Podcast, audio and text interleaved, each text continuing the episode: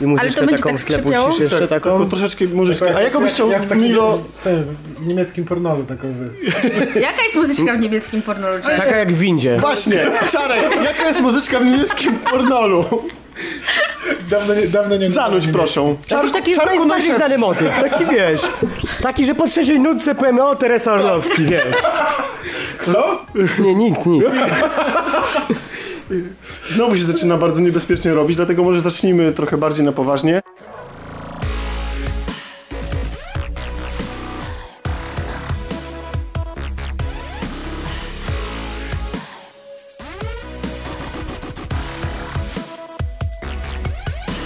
Witam cię, drogi Milo Jones.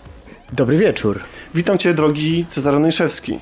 Dobry wieczór. I zgodnie z moim prawem, że nie pamiętam trzeciego nazwiska, witam cię, e, Malwina Pacek. Cześć. Dzień dobry.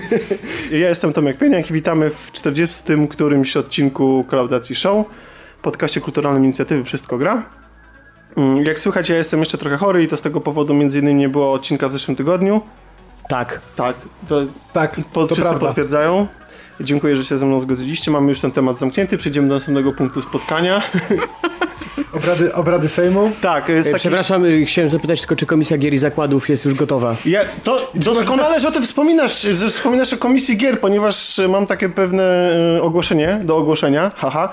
Mianowicie mm, nasz podcast o grach, gdy ci to przejdę, mm, dostał właśnie swojego nowego RSS-a i został zaakceptowany przez iTunes i w ogóle, dlatego możecie go znaleźć w swoich aplikacjach podcastowych pod Daj po prostu. Podajcie do przejdę. On się będzie przez jakiś czas jeszcze ukazywał na kolaudacji, ale potem, jeżeli z jakichś powodów nie słuchacie kolaudacji, to właściwie w sumie tego nie możecie usłyszeć, ale... To wasz błąd. To was błąd, to po pierwsze, ale jeżeli z jakichś powodów y, nie chcecie pobierać jednocześnie i kolaudacji i dać ci to przejdę, to będziecie mieli taki wybór i będziecie mogli sobie to po jakimś czasie rozdzielić. Y, RSS będzie w opisie tego odcinka, znajdziecie go też również, również go na naszej stronie wszystkogra.tv i na, naszym, na naszej grupie i fanpage'u. Wszystko to, gra. To ten nasz podcast, gdzie nas nie zaprosił, Tam, nie? tak, tam, gdzie mnie nie ma. Dokładnie, ten Właśnie, nasz podcast, gdzie nas nie ma. Są, no są wiadomo, no ważni i ważniejsi, nie? Doskonale będziecie mogli się dzisiaj za to wprowadzić w temat y, gier i pojawić się w następnym odcinku, którymś z kolei, gdyż będziemy dzisiaj na tapety mieli grę, e, czy książkę, literaturę poświęconą grom, A, tak. grom e, wideo. Książki Tak. o grach, do czego to doszło. No to najgorzej, nie? Świat się kończy. Mowa tutaj o wojnach konsolowych.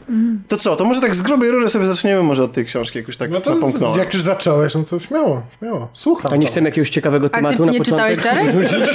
tak? Nie, nie czytałem. Suspens chcesz budować? A, bo ktoś, ktoś może pomyśleć, że to na Nie, bo tutaj zostaną tylko najsilniejsi po prostu. A, dobra, dobra. Aha, jeszcze do nas później dołączy w późniejszym terminie e, godzinie, znowu popełnia ten błąd, Kasia Katka Porębska.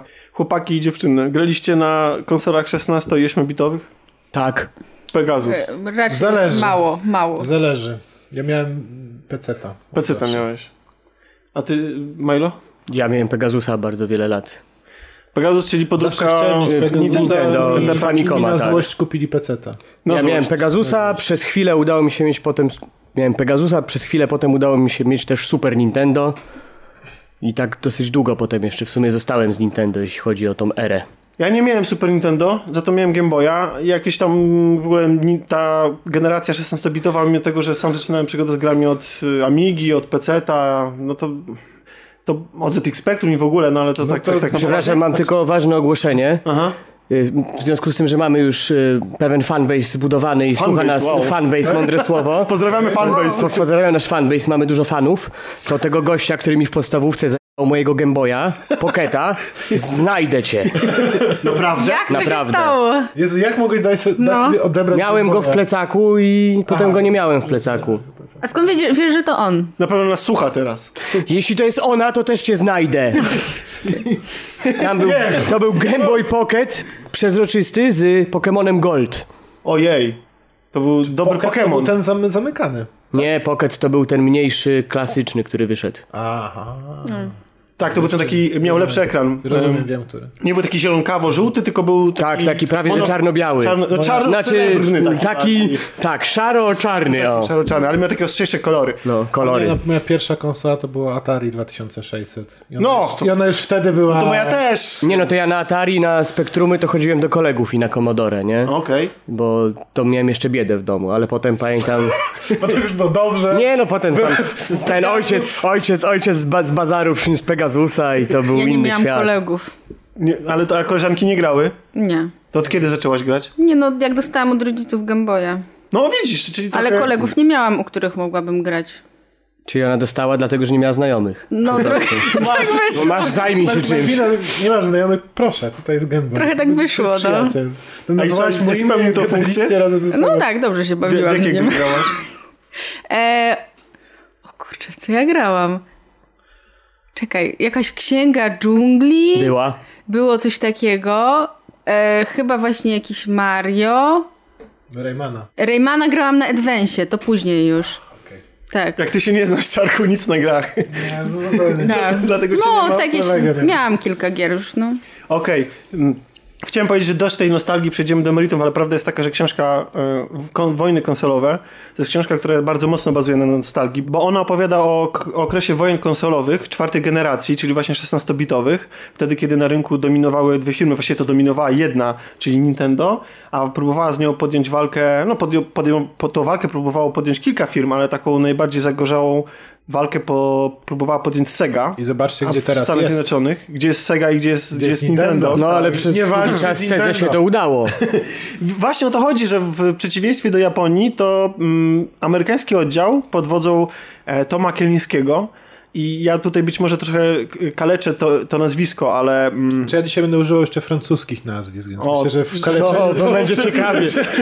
Okej. E, No to mam nadzieję, że ci, którzy doskonale wiedzą, jak się wymawia to nazwisko, to mi wybaczą. No więc Tom Kieliński po tym, jak... Weź Tomek bułkę do ust i wtedy powiedz. Tom Kieliński. Jezu, w misiu to były co? Pyzy? Pyzy. Pyzy. To Może pyzę. Pyzy, tak. Masz pyzy? Nie mam niestety, mam Ja zamrożone. mogła spróbować, ale... Weź zamrożoną pyzę i spróbuj. Mógłbym trochę gorzej wtedy brzmieć. Tom Keliński pracował dla Motela i tam e, dostał Tak. za zadanie mm, zapobiega... Za, mm, aby Czy za, oni zabawki robili Mattel, tak? Czy... Y... Nie. Tak, Mattel? nadal tak, robi no zabawki. Właśnie Mattel stoi za, za Barbie, za, nie za Matchboxem, tylko za Hot Wheels. Hot Wheels. I on A. właśnie stał za tymi markami. Dostał najpierw szansę przywrócenia mm, glorii i chwały Barbie, ponieważ Barbie w pewnym momencie zaczęła tracić popularność i wystraszyli się producenci. Uznali, że być może to y, zwiastować schyłek tej zabawki, a jak wiadomo do tej pory jeszcze się to nie stało, No tak. więc Tom wtedy w latach e, zdaje się 80. e, temu zapobiegł, wprowadzając jakieś tam rozmaite rozmiary, rozmiary, rozmaite No. Rozmiary, rozmiary rozmaite, tak. Tomek. rodzaje, chciałem No, powiedzieć. rozmiary. Rodzaje Barbie wprowadzając, no i później zajął się Hot Wheels, a potem... e, Czy w Hot Wheelsach też zmieniał jakieś rozmiary? Tego nie wiem, ponieważ w Hot Wheelsach... E, Po, ponieważ zajmując się Hot Wheelsami mm, długo się nimi nie zajmował, bo przyszedł do konkurencyjnego Matchboxa, skąd też bardzo szybko I co tam wybył. zmieniał? W Matchboxie. W Matchboxie Mhm. Nic, bo Matchbox jest super. Ale wiesz, to tak naprawdę był to jest tylko wstęp do rozmiar. tego, żeby, żeby opowiedzieć w jaki Okej. sposób em, znalazł się w Sedze. Ponieważ właśnie po tym, jak rzucił pracę w Matchboxie, no stwierdził, że się poświęci, nie wiem, dumaniu nad sobą, rodzinie i tak dalej. Odnaleźli go włodarze Segi i zatrudnili go do amerykańskiego oddziału po to, żeby spróbować podjąć walkę z Nintendo na polu konsol 16-bitowych. Wprowadzali, oni wtedy wprowadzali na rynek Genesis.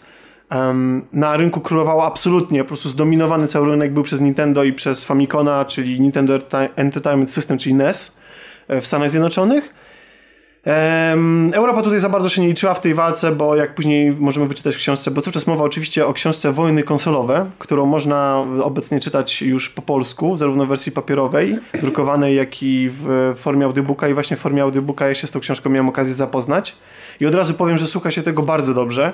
Ja podobno jeszcze lepsza jest wersja czytana przez samego autora po angielsku, ale nie miałem okazji jej posłuchać. Natomiast to, w jaki sposób czyta to Mm, Teraz przepraszam, bo nie pamiętam, oczywiście nie mam przygotowany, kto to czyta w polskiej wersji językowej, ale czyta to na tyle fajnie, bo wiecie, co, jest coś takiego, bo my jak jesteśmy nerdami, ludźmi, którzy siedzą w tym, wiedzą... Za siebie. Czyta to Boberek? Przepraszam, że Nie, tak niestety jedziesz? nie, niestety nie czyta tego, tego Boberek, ale jesteśmy ludzi, ludźmi, którzy, którzy są wyczuleni na pełen fałsz mówienia naszym językiem, takim growym, prawda? Albo mówienia, wymawiania pewnych marek, O czym albo... on mówi?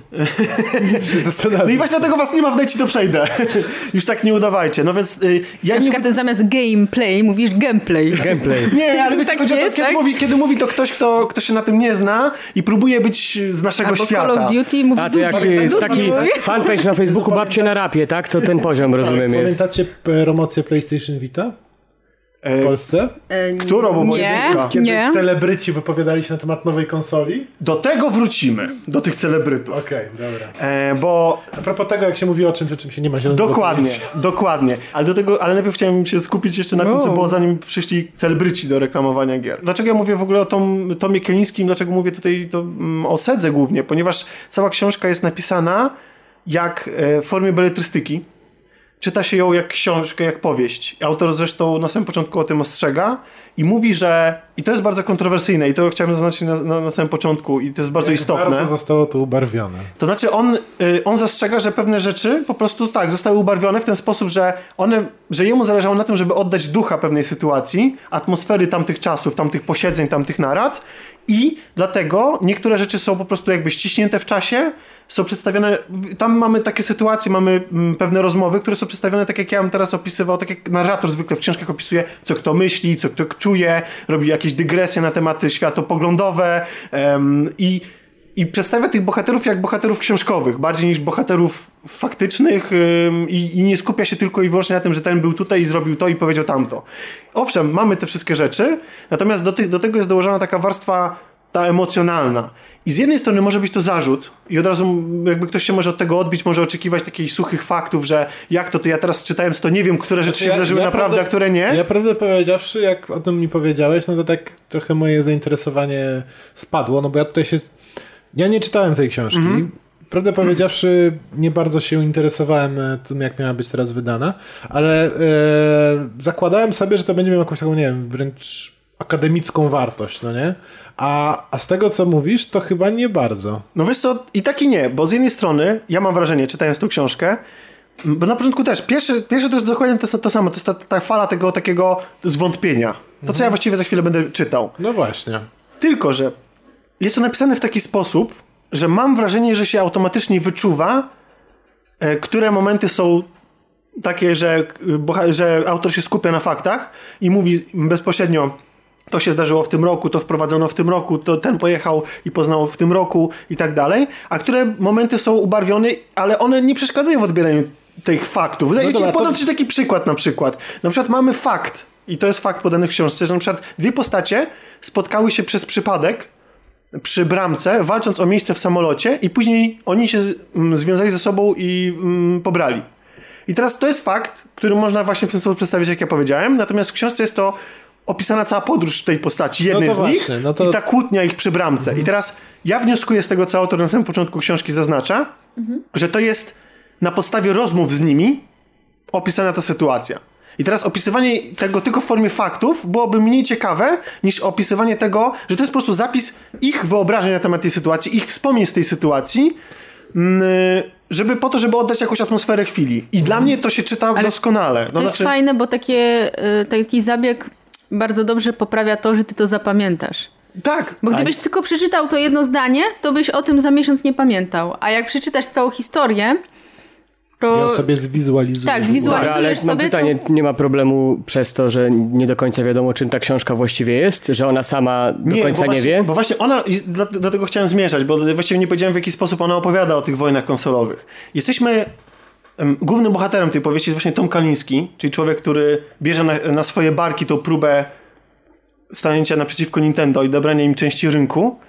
I on jest sportretowany niemalże w samych superlatywach, jako bardzo pozytywny, przyjemny bohater, któremu od samego początku chce się kibicować. To jest po prostu mm, Dawid z y, przypowieści o Dawidzie i Goliacie.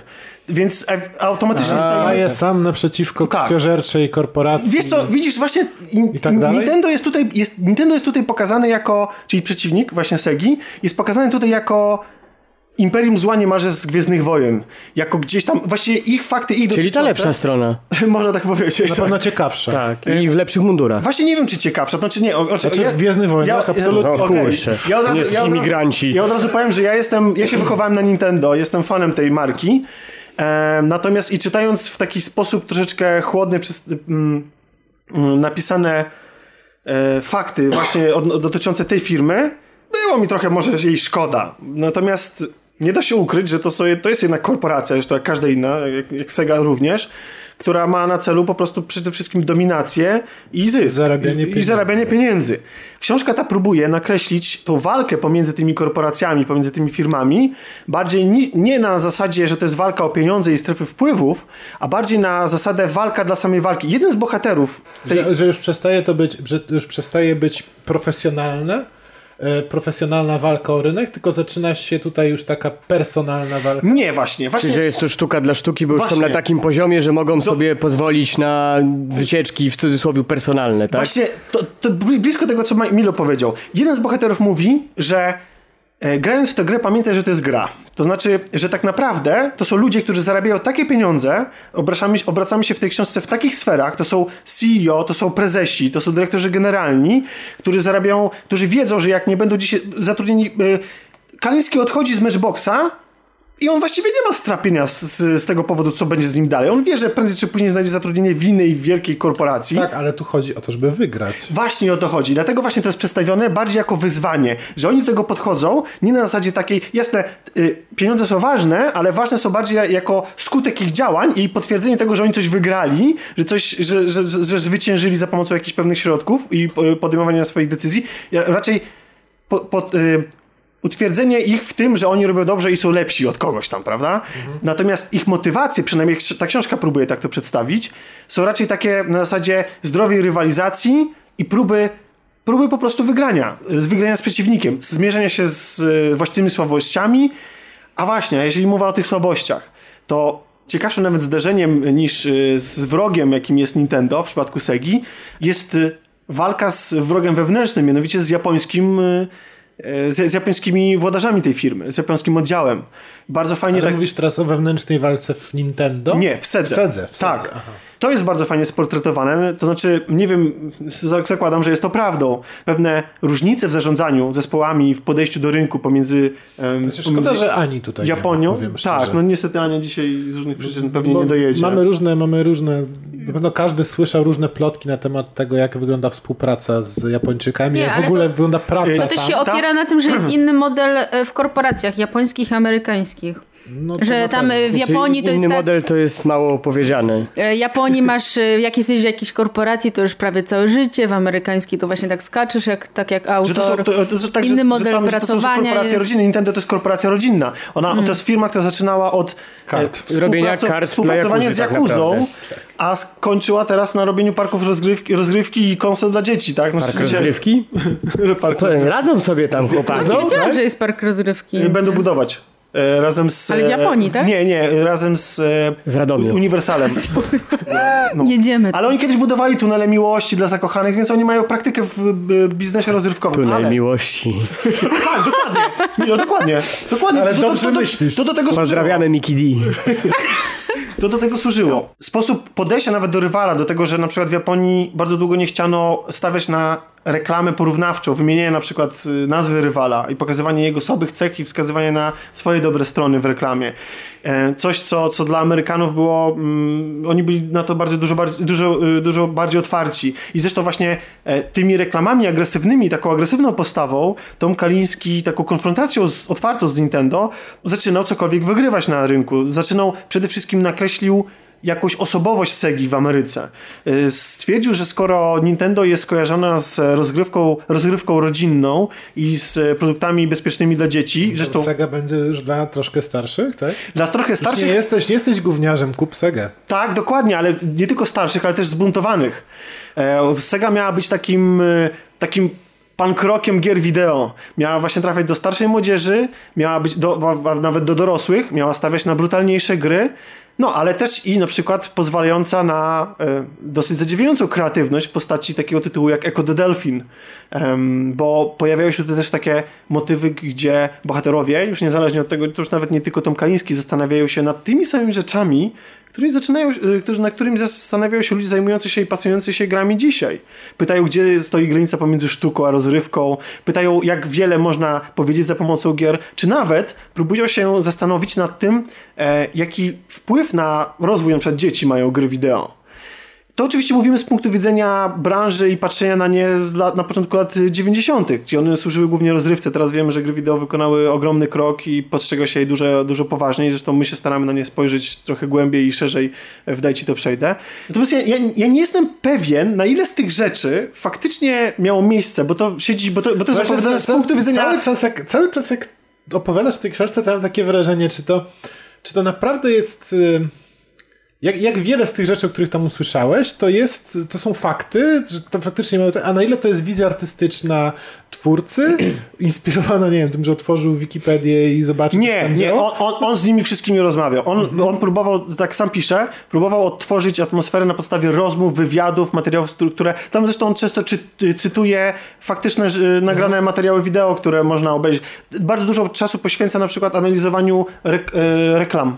Te, w jaki sposób Nintendo i Sega się reklamowały, na czym polegały te różnice, analizowaniu treści tych reklam i te reklamy można obejrzeć sobie na przykład na YouTubie. Można, y, są na, na podstawie, y, są fragmenty opowiadające o wystąpieniach publicznych y, danych włodarzy, o wywiadach, y, gdzie są fragmenty tych wywiadów, więc myślę, że to są rzeczy weryfikowalne, natomiast, okej. natomiast em, Ale to, natomiast i to strasznie, i to strasznie y, gryzie mi się z tym, że mówisz, że dwoje ludzi spotyka się, spotyka się w, wchodzą do samolotu i, i wiesz, czytam najpierw o mam cytaty z wywiadów, y, analizę widzisz, trailera i jest tak właśnie- dalej, a potem i Komedia ona romantyczna. pomyślała, ma całkiem ładne oczy, Ale a bo- on bo- ale pomyślał, bo ta analiza- ona też, bo nie? ta I I analiza- będę z nią grał w grę, no. be, be, dokładnie, pokażę Ale- jej moją segę, nie? Znaczy, wiecie, to przepraszam, Ale bo ta, bo ta, bo ta, bo widzisz, bo ta analiza nie jest podana w formie, wiesz, w, y, takiej akademickiej, jak wcześniej powiedziałeś, tylko właśnie w formie takiej, że siedzi Tom Kaliński i się zastanawia, co należy w to włożyć i później mamy na przykład taki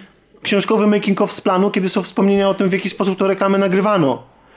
I że, że na przykład y, jed, na, na, jednej z reklamy jest bolid Formuły 1 czy tam jakiejś innej, który jedzie strasznie szybko po to, żeby bo wprowadzali nowego Sonika, który jak wiadomo jest taką super szybką platformówką. I okazało się na przykład podczas kręcenia, że bolid jedzie za szybko. I że kamery nie są w stanie uchwycić tego, co, co by, co by mm, twórcy, co by, co by Sega chciała, bo na przykład też jest pokazane fajnie różnice pomiędzy wizjami artystycznymi producentów sprzętu, klienta i agencji reklamowych, które w ogóle najchętniej by nie dawały nic wspólnego z rozgrywką, w ogóle żadnego tytułu gry, tylko one chciałyby za pieniądze klienta sobie budować swoje własne fantazje. I to jest, to, to jest fajnie pokazane, bo tak naprawdę ubranie ym, tej opowieści w formę beletrystyki ma sens, bo tak naprawdę to są, byśmy musieli in, inaczej czytać po prostu albo akademickie rozważania na temat rozbioru poszczególnych działań, albo na przykład relacja i stenogramy z rozmów w salach konferencyjnych albo rozmów w ko- telekonferencjach pomiędzy, mm, pomiędzy Nie, kolejnymi no- oddziałami. To No dobra, ale wiesz co, to jest, jest... różnica między tym, że to by była, wiesz, czysto encyklopedyczna robota, a tym, że e, autor posuwa się do tego, żeby czytać w myślach. Ale on nie czyta, wiesz, bo ja No zakładam... dobra, ale Tomek, No. tak, ty mówisz, że tam Tom Kaliński, wiesz, a ja tak słucham tutaj Toma Pieniaka No. i mam wrażenie, że mówię, nie czytając tej książki, że dużo z tego, co mówisz, to jest twoja wolna interpretacja tego opisu w książce. No w nie, sensie, no, że... no, Nie, tak nie, tylko... nie ufał, poczekaj, może- nie, nie, daj mi, daj mi dokończyć Ja myśl. się powiem, że ci ufa. No. Właśnie, hola hola. Chodzi mi tylko o to, że na przykład mówisz, że łatwo ci jest rozpoznać, które wydarzenia rzeczywiście miały miejsce, a które są koloryzowane. No mówię o swoich... Y, wrażeniach, Jasne, nie, no. dlatego mówię, że trochę odbieram to jako z kolei twoją interpretację tego, co napisał autor, nie? I chodzi mi, że czy nie dochodzimy do takiego momentu, że już tak właściwie ta część taka akademicka, powiedzmy, Mhm. tak? Trochę traci znaczenie. Totalnie traci znaczenie. Okej. Ja, ja ci powiem dlaczego, bo to jest dla mnie największa wartość tej książki. To znaczy to, w jaki sposób ona jest napisana. Ona jest napisana grafomańskim językiem i tam są naprawdę fatalne fragmenty, to od razu uprzedzam. Naprawdę. Autor nie jest dobrym pisarzem. Ale to, co udaje mu się zrobić, udaje mu się stworzyć świat, romantyczny świat, gdzie biznesmeni nie, nie walczą o rząd dusz na zasadzie wyciągania pie- pieniędzy z naszych kieszeni, tylko raczej o jakiś swój światopogląd postrzegania materiałów, który, który sprzedają. czyli jakiejś swojej filozofii na temat gry. To jest romantyczny świat, w którym oni walczą ze sobą niczym samuraje. To jest romantyczny świat, w którym jeśli byłeś dzieckiem w latach 90. i się jarałeś grami i pasjonowałeś grami, to chciałbyś, żeby ten świat tak wyglądał. To jest świat ludzi, którzy poza grami niczego innego nie widzą, gdzie każde słowo i każda decyzja jest komentowana w prasie branżowej i cały świat żyje tym, czy Nintendo kupi sobie drużynę baseballową, czy nie. To jest świat, w którym gry wideo stoją na pierwszym miejscu i są sztuką przyszłości. To jest świat, który jeśli, jeśli będąc... y, Bo wiecie, to jest medium, które jest bardzo często niedoceniane do tej pory. To jest medium, któ- które ludzie nie grający, nie znający jego patrzą z przymrużeniem oka, kpią z niego. I jeżeli jesteś, nie wiem, ten mój nastoletni Tomek, grający w gry, chciałby, żeby świat wyglądał w taki sposób, jak przedstawia autor tej książki. Że są ludzie, którzy postrzegają je zupełnie naturalnie, zupełnie prawdziwie i że to jest najbardziej pasjonująca rzecz na świecie. A oto, y, jaka gra jest lepsza albo gorsza i dlaczego, I Dlaczego Nintendo... i dlaczego Nintendo, znaczy nie, no wiesz, no, Znaczy mokry sen nerda po prostu. Dokładnie. I dlatego właśnie ta książka dla kogoś, kto się wychował na tych grach i na tych konsolach w latach 90. ma ogromną wartość dla mnie. I dlatego mi się świetnie czytało, a raczej słuchało. Bo dla mnie, ja nie chciałem, żeby się ona skończyła. Chciałem wiedzieć, co dalej i co dalej, no ale niestety wiemy, jak się zakończyła historia Segi tak ogólnie. E, nie polecam jej natomiast tej książki komuś, kto chciałby faktycznie mieć akademicki rozbiór tego, tej, tej, tej wojny konsolowej i nie polecam też tej, komuś, kto nie ma żadnego pojęcia o grach bo nie ma tam aż tak istotnych wydarzeń dla ogółu społeczeństw, e, nie ma aż takiego wielkiego wpływu na świat i popkulturę, jakoby chcieli em, twórcy albo bohaterowie tej książki, żeby tak było. Po prostu. Bo, no bo mamy tam jakieś rzeczy dotyczące typu y, wprowadzenie systemu ratingowego dla tego, dla, jeśli chodzi o agresję, przemoc w grach, tak? Tak naprawdę była to walka, y, jeśli chodzi o brutalność, to było jeden z, y, jedne z polew walki, na którym się rozgrywały właśnie potyczki dotyczące tego, kto wygra i kto, em, kto jakich graczy przekona do siebie. Bo z jednej strony Nintendo próbowało oczywiście cały czas grać na tą wizję swojego bezpiecznego produktu dla całej rodziny. A No, potem wyszło Nintendo 64 i Conker. a Sega czasami przeginała. I jeśli jesteśmy, jeśli jesteśmy przy tym przeginaniu, no to czasami, i to, to też y, trochę świadczy o tym, w jaki sposób autor buduje głównego bohatera, Kanińskiego, trochę my go polubimy, lubimy go od samego początku tak bardzo, że kiedy on przekracza granicę, moim zdaniem, etycznego biznesu i kiedy sam sobie czasami przeczy, przeciwko samemu sobie, przeciwko swoim postanowieniom wcześniejszym postępuje i, i robi pewne nadużycia i świństwa, tak było na przykład z chipem y, Blast chyba procesor, który miał, który tak naprawdę niewiele robił, ale chodziło o to, żeby przeciwstawić się w reklamach jakimś chwytliwym hasłem em, przeciwko Nintendo, które miało Super FX procesor i tym się reklamowało i chodziło o to, żeby mm, swoją konsolę, że on tam właśnie sprawia, że te gry są, mm, są lepiej wyglądają, mają tą grafikę 3D i, i a Sega tego nie miała, więc próbowała, próbowała to zrobić po prostu jakąś tam lipną naklejką. Znaczy nie lipną, bo faktycznie ten procesor się znajdował, tylko że on niewiele robił tak naprawdę, ale w, w reklamach można było to zaznaczać. Więc to są, więc tak, więc Toma Kańskiego lubi się do samego końca, bo on jest takim, on jest takim błędnym rycerzem trochę. Już na samym końcu walczy już do, ostatki, do, ostatnich, do ostatku sił, kiedy jest ostatnim kapitanem na tonącym okręcie. Więc nawet wtedy, kiedy popełnia nie błędy, spoiler, nie, nie spoiler. już, już nawet kiedy, kiedy popełnia błędy, to i tak się mu w jakiś sposób Sega wybacza. umiera na końcu. Nie, nie umiera, bo wiemy, że po, po Genesis i po tej, y, po tej Umarła. Nie no, był Nie, jeszcze, no, po- był jeszcze Dreamcast, Saturn, mój był- ukochany. był- był Dreamcast, więc spokojnie. Dreamcast i wtedy ja umarła. Chciałem mieć, e, dawno temu chciałem mieć właśnie Sega Saturn, to była moja wymarzona konsola. To moją Serio. wymarzoną konsolą zawsze był Dreamcast. To nie, nie miałem lepszego czasu niż z Dreamcastem. No proszę bardzo.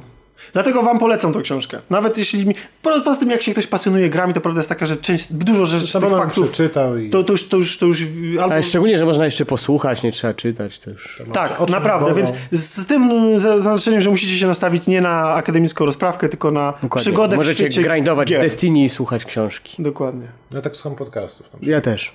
Ja mam nadzieję, że kolaudacji Grinduję słuchają e, z uwagą nasi słuchacze. Nie, kol, do kolaudacji to zawsze No, odpalam świeczkę, zapalam taki półmrok, robię sobie herbatkę, Przypalam cygaro. dokładnie przypalam Siedzę i cygaro, głaszczę swoje dwa grube psy i, I otwierasz komiks, i Milo. robię hmm. Milo, jak otwierasz komiks, to jaki komiks otwierasz?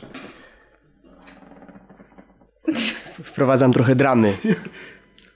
To może jak Cisza tak jesteśmy jest w najgorsze, świecie tak w radio. dużych korporacji, to mam dzisiaj są komiks, który trochę zmienia rolę dużych korporacji y, w przyszłości, ponieważ jest to komiks y, Dorwać Giro, y, którego scenarzystą był Tony Bourdain. Pewnie część osób go zna, jest no, bardzo utalentowanym Był kucharzem. u mnie, no. Da, no więc właśnie tak. Niedzielne obiadki u Tomka również robi, jest bardzo utalentowanym Zapraszam. kucharzem. Ma kilka swoich programów. No jest takim, powiedziałbym, rock'n'rollowym kucharzem. Niektórzy go nazywają nawet Clarksonem kuchni. Chyba to jest takie najbardziej trafne porównanie do obecnych ma, czasów. Czyli ma swój, swój program, coś jak Top Gear? E, No, Ma coś, bardzo dużo ma, swoich ma programów. bardzo dużo swoich programów. e, Znaczy jest trochę kontrowersyjny, natomiast jest naprawdę... Jest to człowiek, którego ciężko nie lubić. Ale Był chyba raz, y, oglądałem jego odcinek jakiś, jak podróżował po świecie właśnie. Tak, on ma bardzo I dużo szczególnie połowie, podróżniczych. y, I w połowie odcinka on się chyba upił, i połowa odcinka o tym była, jak on był pijany. I To mógł być każdy odcinek, I tak. faktycznie on nie udawał, on się upił, naprawdę. I to wszystko robił po pijaku. tak. To, to, to powiem ci, że YouTube jest pełen takich twórców. Nie, natomiast No, nie, dostarcza było puszczone bardzo do no wysokiej jakości content Bardzo i wysoki- bardzo wysokiej jakości... Upijał się na bogato, bogatym Tak. alkoholem, tak? Dokładnie, jak już pił, to dobre. Whisky za 300. Dokładnie, wiesz, Balveni, a nie jakiś tam Johnny Walker, więc wiedział co robi. Jest też autorem kilku książek, yy, również kucharskich, ale też yy, pisze książki typu Kill Grill, które są teoretycznie książkami o jedzeniu, natomiast jest to taka bardziej właśnie beletrystyka, gdzie on tam sobie opisuje No właśnie, różne rzeczy. Gdzie są fakty, a gdzie, Gdzie są fakty? prawdziwe przepisy. Nie ma przepisu. Ale o czym jest komiks Dorwać Giro? Dorwać Giro opowiada o Giro, O, który jest y, sushi szefem. Y, komiks rozgrywa się w przyszłości, gdzie A to jest nawiązanie do Giro, jeśli nie o sushi. y, tak. Okej. Y, Czyli? Czyli filmu o bardzo znanym, y, prawdziwym szefie. Y, znaczy to wręcz jest ta postać. to jest dokładnie on, tak? To jest dokładnie on, natomiast komiks przyjął taką konwencję, że dzieje się to w przyszłości, gdzie ludzie walczą o miejsce w dobrej restauracji. Okay. Gdzie- To jest fabularne. A, bo y, musisz wy- walka- wytłumaczyć kontekst. Tak, Skąd kontek- wynika to ta walka o miejsce w restauracji? Tam wszystko się, wszystko się ogólnie y, jakby. Cała walka toczy się o jedzenie, ale to nie to, że ludzie walczą, żeby cokolwiek zjeść, tylko są y, różne restauracje. Jest krąg wewnętrzny, gdzie są te restauracje takie bardziej bogate, i gdzie rządzą dwie korporacje. Jedna z nich jest weganami, druga jest mięsożercami. E, I jest krąg zewnętrzny, gdzie no, ogólnie jest trochę większa bieda. Natomiast w obu tych kręgach jest tak, że na Ja przykład widzę na rysunku, że jedzą kiszkę. To jest na pewno krąg zewnętrzny. tak. E, Wszystko się odbywa tak, że na przykład jak jest jakieś miejsce w restauracji, ludzie czekają po kilka miesięcy, jak ktoś ma rezerwację w jakiejś super restauracji, potrafią go tylko zabić. Czyli to jest żeby... świat, w którym restauracje są najważniejsze. Najważniejsze w ogóle jedzenie jest, kurde. więc... I Super, cały komiks... Czy, czy komiks poświę- mniej więcej tak jak wojny konsolowe są dla graczy i kreślą świat. Tak, to jest ewidentnie to- komiks dla fanów jedzenia, tak? так. To jest komiks dla fanów jedzenia. W ogóle zaczyna się tak, że Znasz, w związku z nie tym... fana jedzenia, przed ktoś to mówi, nie. Nie, ale mówię do takich, mówię do takich fanów naprawdę y, wysokiej kuchni też. Y, W sensie ktoś, kto jest fanem też takiej wysokiej Smakosz. kuchni dla smakosza, dla kogoś, kto się interesuje tak bardzo jedzeniem, ten komiks będzie dużo ciekawszy, bo jest tam mnóstwo nawiązań, mnóstwo nazw i tak dalej i mimo, że Tam jakiś... znam się trochę na tym, to i tak części nie mogłem. Pierwsze strony sugerują, że to strasznie gore. Tak, dzieje się, bo no, wygląda to tak, że no, jak ktoś przychodzi w kręgu zewnętrznym do Giro, do restauracji i zamawia kalifornijskie sushi, no to dla niego jest to taka zniewaga, że on po prostu Musi go zabić ma do tego po pierwsze prawo, tak, wy, tak wynika w komisji, a po drugie on po prostu ucina głowę takiej osobie kataną, koniec.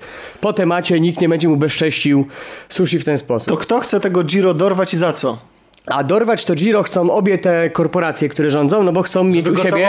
Dokładnie, chcą mieć u siebie taką światowej sławy y, Grubą gwiazdę. rybę, że tak. Grubą rybę, tak, to jest dobre określenie. Tak, Szczególnie, że. Giro ma najlepsze ryby u siebie, bo je sprowadza gdzieś tam. No i dalej przechodzimy do fabuły, która przyrywa nam dzwonek. Ale Milo opowiadaj. Dobrze, opowiadam, Tomek mnie nie słucha. No fabuła niestety jest chyba najsłabszą częścią tego komiksu. Nie jest to nic nowego, opowiada o konflikcie dwóch korporacji, gdzie jest ten Giro To chyba po bardziej, środku. bardziej jak jakieś gangi, jakuza. Tak, to jest dokładnie, wygląda jak Jakuza.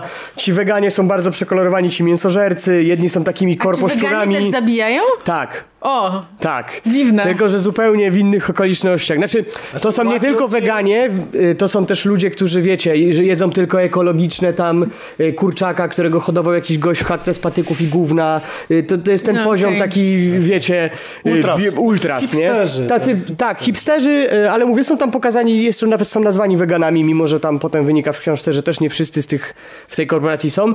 No i to pokazuje gdzieś tam konflikt, jak jedni i drudzy chcą dopaść Giro i jak Giro chce trochę jednych i drugich tak naprawdę w- przechytrzyć. Mówię, no fabularnie nie jest to nic porywającego. Mimo, że ma dużo stron, nie jest krótki w ten sposób, natomiast jest mało treści.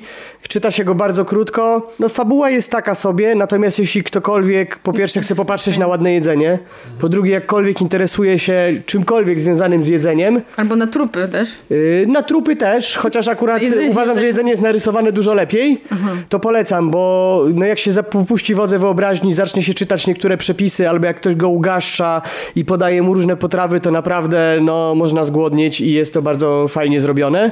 Yy, Komiks jest bardzo ładnie narysowany, mi się w ogóle podoba ta kreska, ona jest nietypowa, bo jest bardzo szczegółowa, tak? Jak jest, nie wiem, jakiś yy, pokazany yy, tuńczyk błękitny, to tam każdy najmniejszy Tak. detal po prostu, Taki nie można trochę- się pomylić, od razu widać co jest co. Taki mobiusowski to kreska taka Tak, y, tak Em, naprawdę postacie są najmniej szczegółowe, są wręcz trochę takie przekolorowane na modłę japońską, bym powiedział. W sensie mają trochę nieproporcjonalne głowy, duże ręce.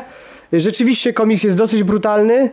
Nie ma tych scen dużo, ale jak już są, to są takie naprawdę bardzo brutalne, krew, trupy i tak dalej. Y, No i to taki komiks właśnie przyniosłem dla, trochę dla odmiany, bo uważam, że jest to coś nowego, jeśli Ale chodzi o komiksy. za, w sensie, plus za tematykę bardzo w sensie bardzo tematyki, tak? Bo T- Tak z, y, troszkę na, na uboczu, jak, jak zacząłeś opowiadać o tym, że człowiek specjalizujący się w kuchni robi komiks, to mi się od razu przypomniał taki komiks, e, nazywa się Yes is More. I to jest e, komiks wydany przez e, biuro architektoniczne Big duńskie. I to jest komiks, nie wiem, chyba z 2009 roku, czy coś takiego. I on jest utrzymany w takiej stylistyce trochę jak Sin City momentami. Jest pięknie wydany i tak dalej. I opowiada, uwaga, uwaga, o, o tym, jak powstaje, jak się projektuje budynki, no nie? Po prostu. Ale wszystko jest, wszystko jest ubrane w piękne wydanie, w, w bardzo wyrazisty właśnie taki styl graficzny i tak dalej. I to jest, to jest właśnie taki... No to mówię, no tu, ciekawostka. Tujiro potrafi pokazy, pokazywać jak się robi rosół na przykład, tak? Ale pokazuje to po prostu w taki sposób, że dobrze wiesz, że chciałbyś jeść ten rosół i tam to był najlepszy rosół w twoim życiu. Tak, faktycznie to jedzenie jest bardzo realistycznie narysowane. Tak, jedzenie jest narysowane postaci świetnie. Tak jak mówię, no niestety najsłabszą częścią tego komiksu jest fabuła, bo jest ona po prostu no taka...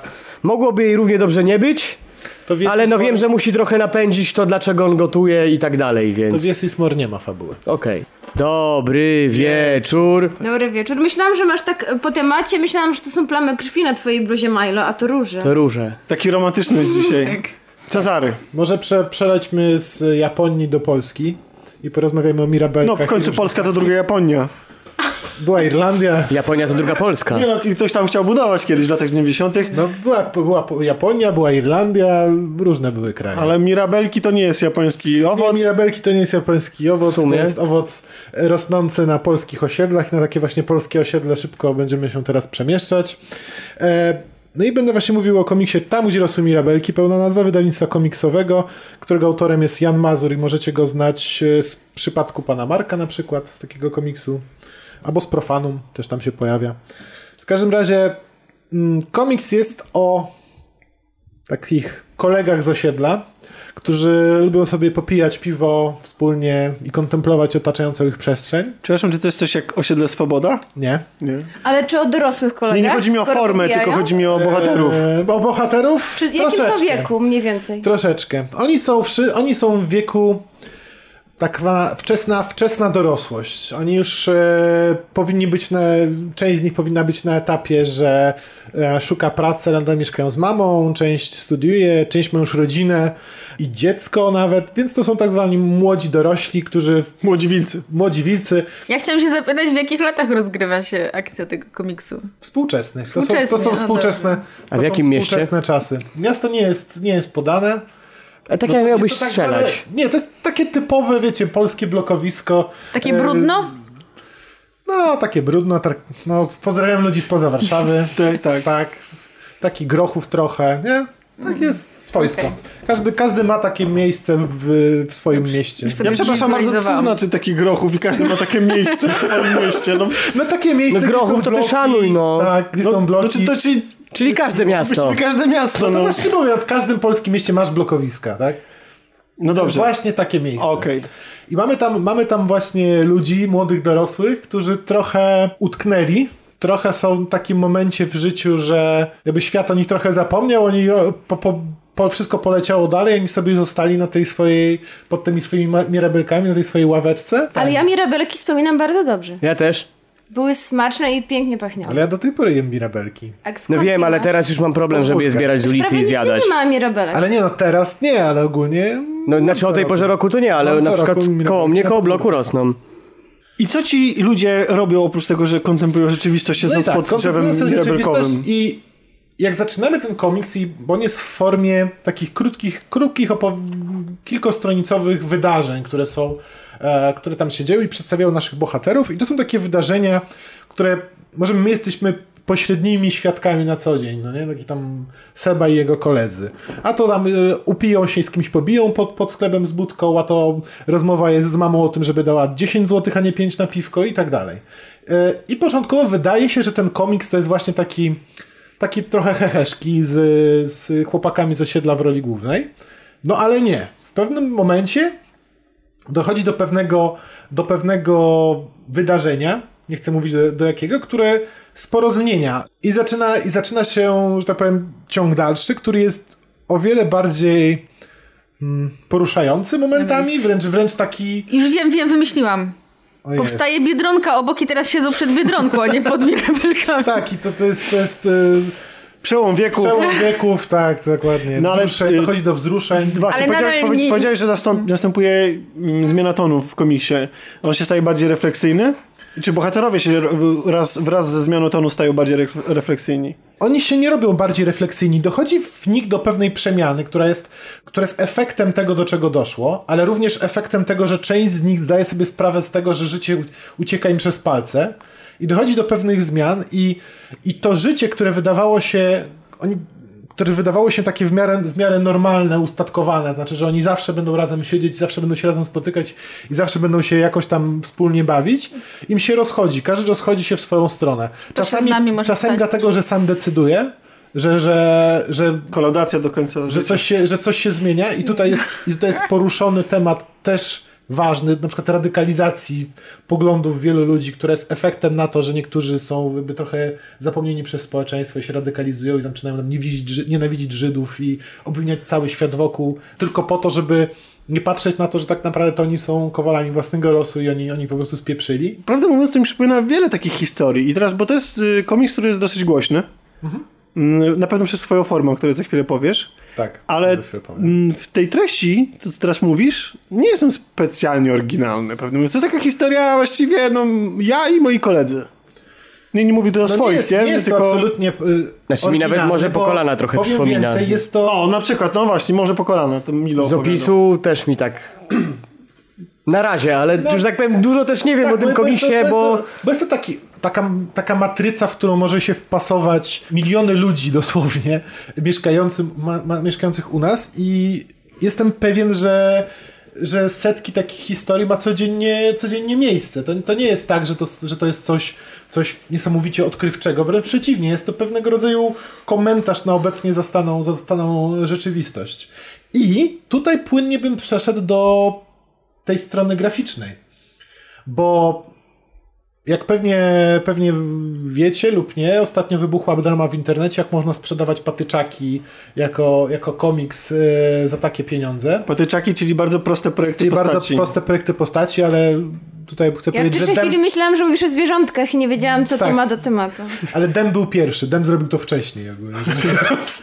Tylko, że w sumie to nie jest pierwszy komiks tego typu. No autora, właśnie. No, ale więc tym bardziej byłem zaskoczony. Jest wiele takich prostych komiksów. Oczywiście, że tak. No dobra, ale to, że coś, że coś jest prosto narysowane, No to, jest czymś gorszym? Nie, nie, nie Czy że się nie kalkuluje, bo złotówka 30 do ilości kresek jest? No, tak, tak. tak A, to w ten sposób jest. przeliczana ilość godzin, czy mu się na pewno opłaca, bo jak 80 to spoko, jak 75 to już za mało, za 100 zł. Znaczy, o ile jeszcze długość powiedzmy, że no łatwo przeliczyć, no to tak ciężko przeliczać, czy Wiesz, coś ma myślę, że- więcej grafiki, czy mniej. Ale ty wiesz, to tak patrzysz na rysunek i widzisz, że tutaj pan narysował to w czas w tyle czasu i to tyle jest- samo pieniędzy, co pan. Ale zdaje się- Ale to jest problem, problem Ale to projektu. jest To dobrze, że ludzie nie wiedzą, co ja robię w pracy, Czarek, bo- Ale to jest problem wszystkiego związanego z grafiką w tych czasach, bo teraz jest ogólnie modny minimalizm i ludzie, którzy tego nie rozumieją, Tak, tak, to myślą prawda. sobie, o, narysowane kółko, nie? prostokąt za 70 za to, za, za, za złotych. 70 Ojej. tysięcy, kółeczko, no. No, No, dokładnie ja to jest to samo, Ze no. szwagrem w pęcie w Znaczy wiem to po sobie, bo miałem parę zleceń na właśnie bardzo duże minimale i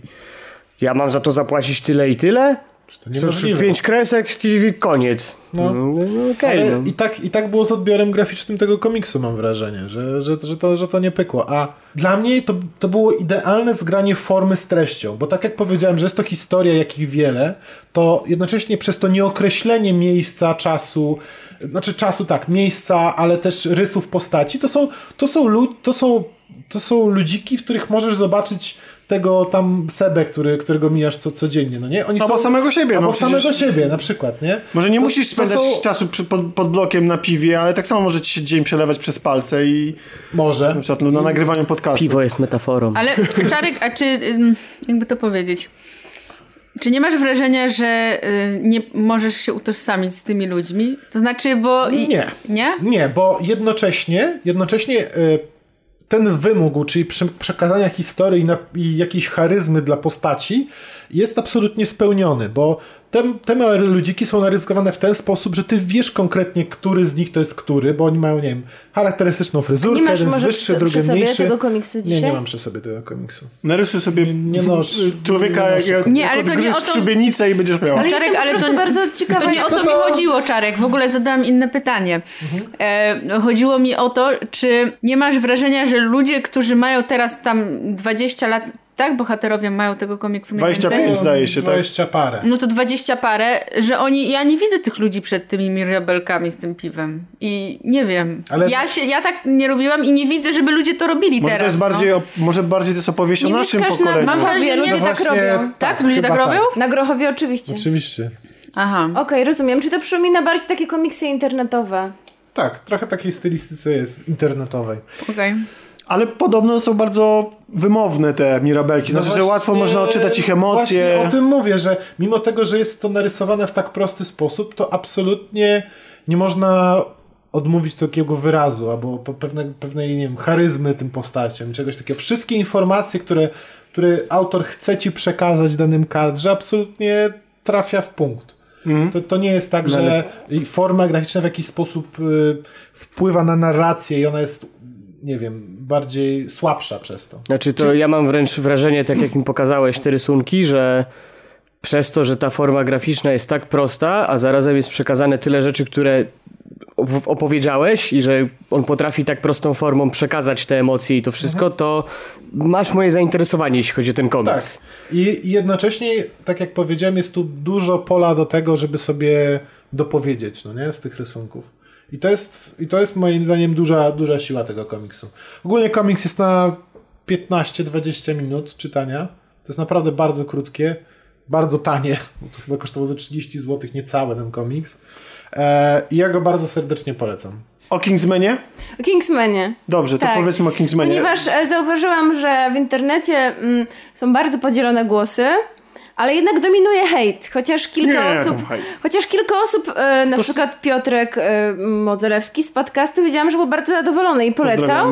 A z kolei Szymon Adamus z innego podcastu był bardzo niezadowolony i bardzo mu się nie podobało. Głosy są podzielone, ale jednak przeważa e, Kto wygrał? zawód. Kolaudacja, proste.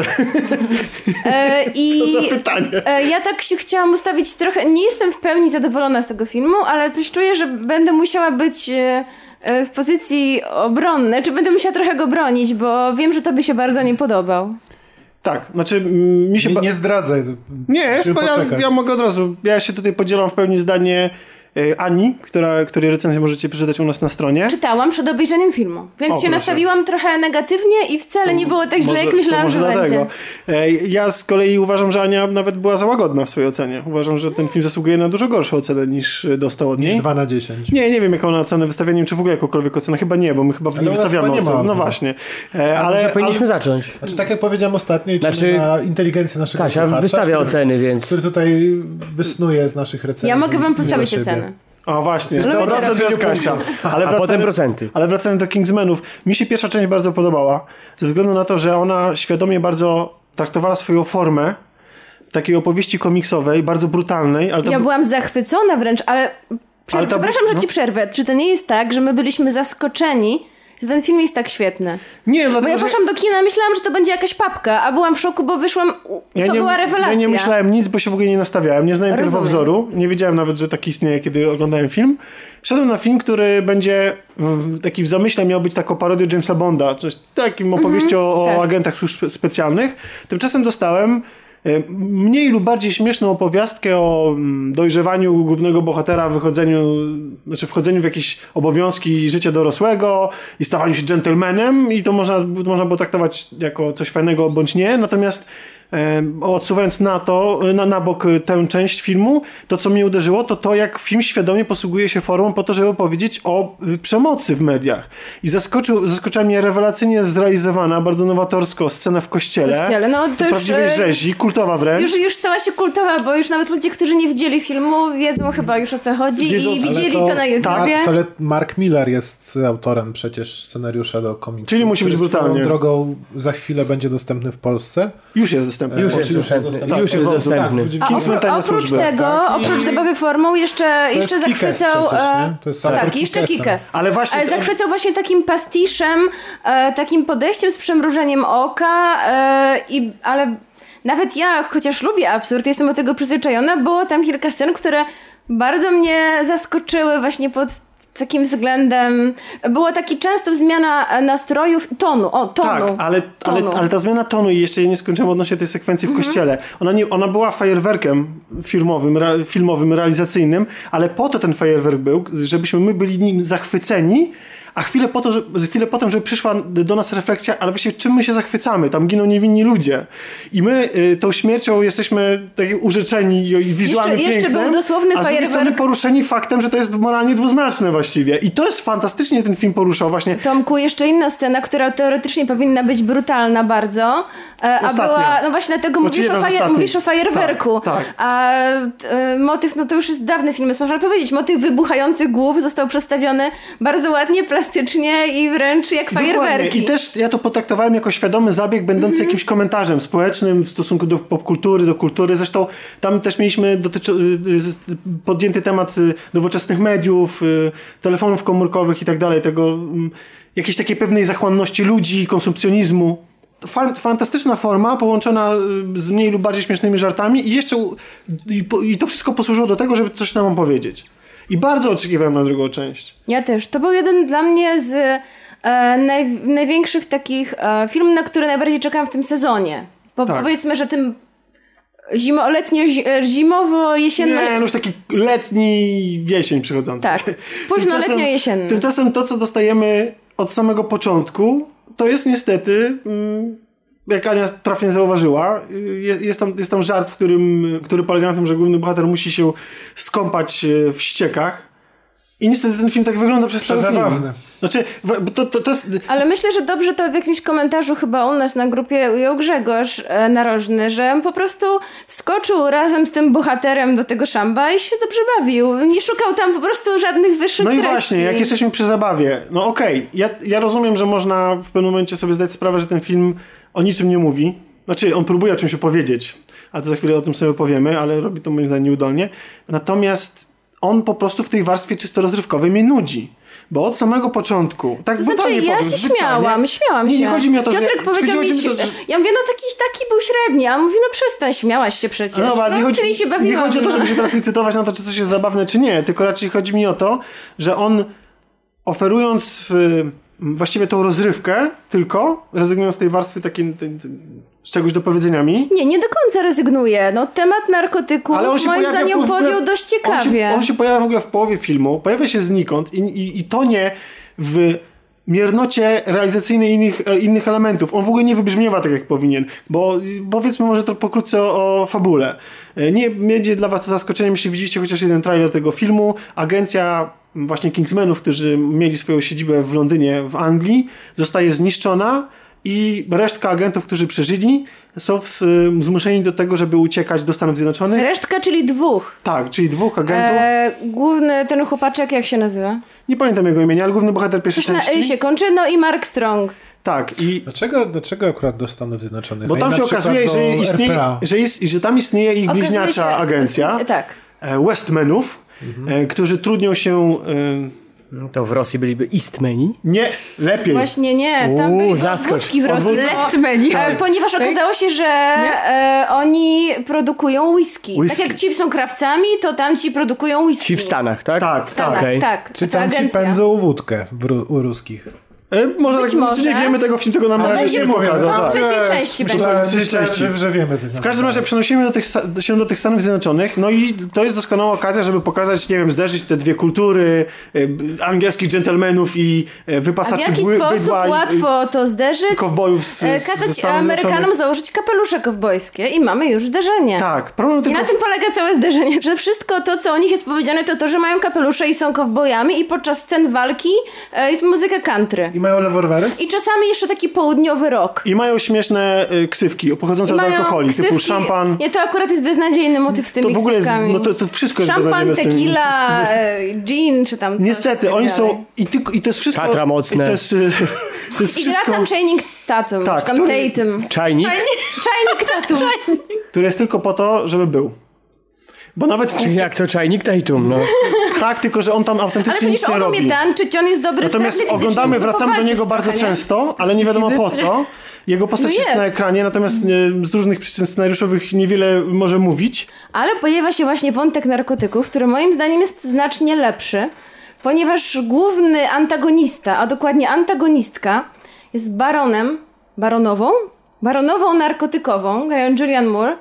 E, gdzie ona jest? W Kambodży. Ma chyba w Kambodży główną siedzibę i bardzo ubolewa ona, e, że narkotyki są nielegalne i że musi ona się w tej Kambodży tam kryć, bo chciałaby swój biznes prowadzić legalnie. Jest jedną z najbogatszych ludzi na świecie, a ona bardzo by chciała być w rankingu People na tych najbogatszych ludzi, a i tam nie ma. A Escobar był w rankingu oficjalnym? Nawet chciałaby płacić podatki. Bo do swego czasu był bardzo wysoko w rankingu najbogatszych ludzi No, ale świata. to chyba Pablo nie może Escobar, być. ale Chyba ciekawe, nie może czy być, jeśli, Czy był w e, jakimkolwiek rankingu? Jeśli to nie odprowadza od tego podatków i nie ma tego oficjalnie, to nie sądzę. No i co? I ma chytry plan. Ta oto antagonistka. Może powiedzieć, jaki ma plan? No tak, związane z narkotykami. Zwrócić uwagę ludzi na narkotyki. No tak jakby sami Iż- nie zwracali. E, I zaszantażować prezydenta jakiego kraju? RPA. Rosji. No oczywiście Polski. USA. A prezydent USA oczywiście To drugie jest, chciałem powiedzieć. jest mega idiotą. To też e, moim zdaniem, mm, no nie wiem, tak może próbowali zażartować trochę z Trumpa, ale też to nie wyszło za bardzo.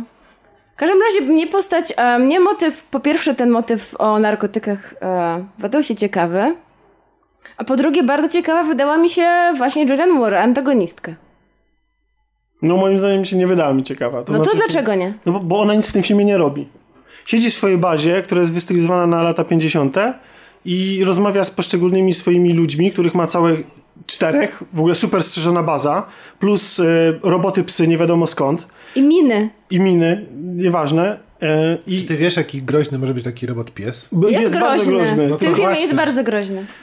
E, I do, a i dla, do, do swojego towarzystwa sprowadza sobie Eltona Johna, którego funkcja w tym filmie polega na tym, że ciągle przeklina. Ale moim Ej, zdaniem Może jest Eltonem Johnem. Moim zdaniem jest nie Eltonem znam, nie, Johnem znam siebie. nie znam Eltona Johna prywatnie, nie wiem ile przeklina w życiu Ale Tomek, czy prywatnym. motyw, ale e, nie, czy motyw Eltona Johna ci się nie podobał? To Nie, bo była to jedyna, oprócz Julian Moore, jedyna dobra rola i postać w tym Znaczy filmie, tak, to było zabawne, okej, to jego, to fakt, że... No, ale on rozumiem jest w filmie Eltonem Johnem. Tak, dokładnie, jest taki comic, reliefem, nie? E, I otwarcie żartuje ze samego siebie jako gwiazdy, samego siebie jako homoseksualisty i ogólnie ma widać bardzo duży dystans do siebie, co jest fajne. Podoba mi się.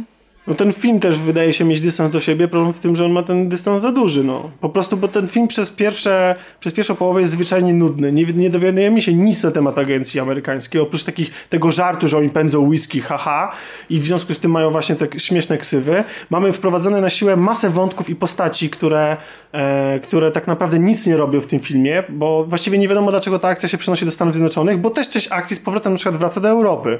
Po prostu tak nagle. I to, że to, że to się dzieje w Stanach Zjednoczonych jest właściwie nam po nic, tylko po to, żeby wprowadzić, wymienić aktorów tak naprawdę, no może na bardziej znanych. I ci aktorzy amerykańscy też niewiele robią, też niewiele znaczą. Mamy na przykład... No jak nie? No, Jeden jest ważną postacią. Mm, I tak, i jest oczywiście, pod, jeden z agentów jest podejrzany o to, że jest podwójnym agentem. Też ten, mom- ten moment wprowadzenia podejrzenia o to, że jest podwójnym agentem jest w fatalnym momencie y, wprowadzony w filmie, bo właśnie wtedy, kiedy on wykonuje najbardziej efektowne akcje i tylko, że wtedy, kiedy mamy co do niego podejrzenia, że, jest, y, że nie jest do końca prawym człowiekiem, to te efektowne akcje właśnie nas w tym momencie trochę średnio bawią. A jak jesteśmy przy efektownych akcjach, to one w tym filmie służą tylko po to, żeby być fajerwerkiem. Niczym więcej, żadnym komentarzem, niczym, niczym żadnym autocytatem i tak dalej. To jest po prostu wzięcie dokładnie tego samego sposobu realizacji, który był w jedynce w kościele i rozciągnięcie go na cały, y, porozsie- porozsiewanie go w całym filmie. Problem w tym, że ja już to widziałem. Widziałem go to w pierwszej części, nie robi to już na mnie kompletnie żadnego wrażenia, a w, o zadarciu, y, w, po odarciu tych efektów specjalnych i tego bajeranckiego prowadzenia kamery z wymowy jakiejkolwiek, to jest po prostu taki gimmick. I owszem, można się na tym dobrze A bawić. nie wydaje ci się, że ten film cytuje też e, i śmieje się też z innych filmów i w ogóle robi taki No jeden jasne. wielki miszmasz. Znaczy ten miszmasz jest dla mnie po prostu za duży. No po prostu to jest film, który jest wewnętrznie pusty, a najbardziej ta pustka, y, daje się zauważyć tą pustkę w momencie, w którym film powinien być najbardziej emocjonalny. Mianowicie w filmie powraca, to też nie jest żaden spoiler, bo on jest na plakatach i tak dalej, bohater z pierwszej części, mentor naszego głównego bohatera. Cały ten jego powrót jest w ogóle strasznie przeciągnięty. Okazuje się, że żyje, a wszyscy myśleli, że tak, że nie żyje. Cały, No cały, nie, no pierwszy raz w życiu takie tak Wow. wow. słyszę, naprawdę. Cały ten, jego, cały ten jego powrót powinien być nacechowany niesamowitym ładunkiem y, emocjonalnym, biorąc pod uwagę to, jak on wiele znaczył dla naszego głównego bohatera. I ci bohaterowie próbują coś tam rozegrać, Dla mnie ale film jest. nie daje tak naprawdę, czy reżyser im nie daje okazji, bo dla mnie nie był kompletnie. Dla mnie to było strasznie przeciągnięte, wymuszone i y, Colin Firth, tak? Gra, Tak. No nie wiem, mnie Nie wiem, scena no z nie- pieskiem ruszyła, bo ja kocham Nie, pieski. zam, nie no, rozumiem, W każdym ale... filmie jest scena z A pieskiem. ja, a ja lubię pierwszą część i w tym filmie powrót tego bohatera nie wywarł na mnie wrażenia po prostu. I obejrzałem ten film przez połowę będąc znudzonym, nie będąc w żaden sposób poruszonym, Ja czasami chciałam- momentami zaszanowanym żartami typu, że em, główny bohater ma super misję do, polegającą na tym, że musi włożyć w... Bardzo się przyczepiliście razem z Anią do tej sceny. Bo Co musi włożyć? Masz moją ciekawość. w majtki palec y, y, innej bohaterce po to, po coś tam, prawda? Żeby za dużo nie spoilować. I na Żeby tym polega. I, I to przez 10 minut śledzimy jego starania o to, żeby on umieścił w jej ciele coś. No dobra, ale jest jeszcze motyw. Piąteczek. Ale słuchajcie, no... mm, Znaczy. Wjeżdża, wjeżdża e, muzyka Czarek, z windy teraz. Poczekaj, Nie, ale, ale, wiecie, to, to, jest, to jest poziom dowcipu analnego Ale z Tomek, pierwszej ale części. poczekaj, ale jeszcze, tam jest ważny motyw, bo bohater jest w związku z duńską księżniczką z pierwszej części, z którą właśnie wiązał się ten dowcip analny z pierwszej części. On jest w związku. I ma cały czas, kiedy ma do wykonania tę misję, ma wyrzuty i dzwoni do niej, mówi jej, że słuchaj, mam taką misję, muszę, muszę zaciągnąć do łóżka dziewczynę. E, e, no i wiecie o co chodzi. Co, co powie moja dziewczyna? On ma, nie jest takim prawdziwym agentem, bo nigdy czegoś takiego nie robił i ma z tym problem moralny. Więc to nie jest tylko o włożeniu palca w majtki, tylko o tym, że muszę to zrobić, chociaż myślę o tym, że mam dziewczynę i nie powinienem. To jest, to moja praca, a to jest mój dom. bez. Czyli jeszcze do niej zadzwonił, żeby zrzucić na nią część odpowiedzialności. Tak, oczywiście. Ładnie. Dobra, ja mam pytanie. A, a, a, a motyw jeszcze tylko dokończę. Motyw narkotykowy jest tak prostacki, tak oczywisty, tak nie, nie inspirujący do niczego, że no niestety, no. Chciałam jeszcze powiedzieć zawód o, wrócić do bohaterki, do antagonistki, który powiedziałeś, że nic nie, że nie ma nic do zagrania, tak? Że ta postać jest taka, że nic nie Znaczy, wnosi? Julian Moore się świetnie bawi tą rolą, okej. To no znaczy tak, właśnie bardzo się. mi się tak spodobało, zła, że aż bardziej zła e, nie może być. Jak e, ona to, tę postać zagrała, bo przerysowała to, ale w taki sposób na granicy śmieszności. Nie jest w 100% śmieszna, jest trochę śmieszna, trochę straszna i nie wiem, uważam, że jest świetną aktorką, bo zrobiła to super. Scenariusz miała średni, a zrobiła więcej niż, e, niż miała tak naprawdę do zrobienia. I grała tą, tą postać moim zdaniem lepiej niż Samuel Jackson e, swoją postać odegrał w jedynce. Więc mam wrażenie, że jesteś taki strasznie negatywnie nastawiony, że wszystko Nie, ale nie jestem nie. nastawiony, bo byłem na tym filmie, więc już nie mogę być nastawiony negatywnie do tego filmu, tylko mogę go ocenić. Po prostu to jest ogromny zawód względem pierwszej części. Dla mnie i okej, no. No pod jakby- względem pierwszej rzeczywiście. Ja- Dobra, ja mam pytanie. Czy druga część też jest na podstawie komiksu? Nie, to jest y, zupełnie... Czyli morał z tego taki, że nie należy robić filmu na podstawie komiksów, jeśli nie, ma, komiksu. jeśli nie ma komiksu. Można tak powiedzieć. To znaczy, najgorsze Nie, nie, jest to... dlatego pytam, bo być może właśnie to oderwanie i, Ale że tak powiem, znaczy inaczej, że, że scenariusz był tak dobry w pierwszej części właśnie dzięki temu, że no komiks też był niezły, tak? Najg- naj, najgorsze jest to, Nie że, wiem, nie czytałem że jak jeszcze, się ten film kończy, to masz wrażenie, że on tak naprawdę przez trzy czwarte był jednym wielkim wprowadzeniem i zaproszeniem do następnej części. Tak, oczywiście. Że miał na celu tylko po to, żeby wprowadzić ci No bohaterów. musi być teraz uniwersum, jak wszystkiego przecież. E, No i e, twórcy zdecydowanie opierali się na metodzie, która nie jest dobra. Była to metoda więcej, mocniej, I żart szybciej analny. i tak głośniej i tak dalej. I to zdecydowanie nie wyszło na dobre. Zgadzam się z tym, że poszczególne części filmu były... Nie trzymały się to kupy i rzeczywiście scenariusz nie był świetny. Ale no nie, uwa- nie uważam, że wszystko Nie, było jest- takie strasznie złe. No. Nie, nie, bo nie, żeby nie było, no to jest technicznie zrobione świetnie, nakręcone świetnie, naprawdę fajnie, fajne, jest fajne są, świetne są dekoracje, ta, ta praca kamery w tych scenach akcji jest naprawdę bardzo fajnie poprowadzona, tylko jeżeli, jeżeli ja mam każdą scenę akcji, w której bohaterowie są zagrożeni i oni wychodzą z tego zagrożenia za pomocą wyciągniętego z tyłku gadżetu, to to jest nudne, wiecie, oni nie, nie stosują własnego sprytu, nic im się po prostu ciekawego nie przytrafia, jest tylko taka- nagle znajdujemy w kieszeni gadżet, który nas uratuje. To jest taka prawda. sytuacja jak z bajek e, na Transformerach i różnych takich, że, oni, że bohaterowie w pewnym momencie przypominają sobie, że mają gdzieś w szafie naj, jeszcze potężniejszą broń No niż tak. uty- używali Tak, do tej tak. pory. Dokładnie. A potem w następnym odcinku okazuje się, że ona nie była jednak taka potężna, bo w tej drugiej szafie jest jeszcze jedna bardziej potężna.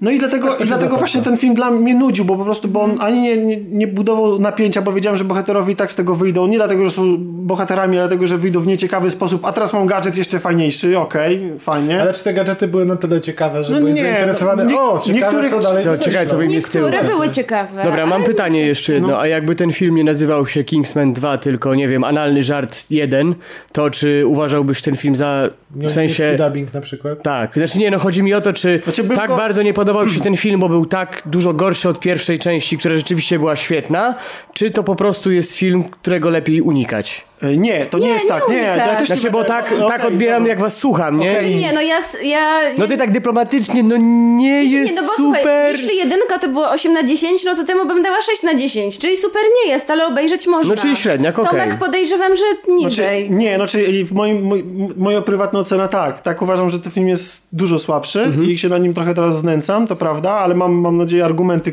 i jakaś się z nimi zgadza i ja po prostu odbieram je bardziej. Kasia, zgadzasz się? Wszyscy się zgadzamy. No z większością się zgadzam, chociaż broniłabym wątku e, po pierwsze narkotykowego oraz bardzo mi się podobał pomysł e, lata 50. wyciągnięte z USA, przeniesione do dżungli w Kambodży. E, to było moim No tak, ale zdaniem bardzo z drugiej strony mogła e, sobie wymyśleć, że będzie na przykład, nie wiem... pomysłowe. Francja XIX wiek i wybuduje sobie... I Elton John Czyli mi trzecia część będzie w kosmosie i koniec serii. Może tak być. Nie, no czy to jest tak... Ja Już nie, Jason nie był w odradzam, kosmosie, że- to Kingsman nie, też będzie. Nie odradzam wybrania się do kina, bo tak jak powiedziałem... e, Znaczy, ja jak się technicznie posłuchałem, to na pewno się nie wybiorę do kina, nawet na DVD tego nie obejrzę. Właśnie nie, Nie, właśnie, no na, właśnie na VOD, na VOD Polsat to na pewno. Ba- Natomiast... a bawić się można, wiesz, w niedzielę, na kacu lekkim. Spokojnie. Albo przy herbatce. E, Jest jedna bardzo dobra scena, wymuszona... Napisy końcowe. Nie, nie, tak po- poważnie jest, jeden z bohaterów umiera i robi to w bardzo... Spoiler. Biorąc pod uwagę, że mamy dwóch bohaterów głównych.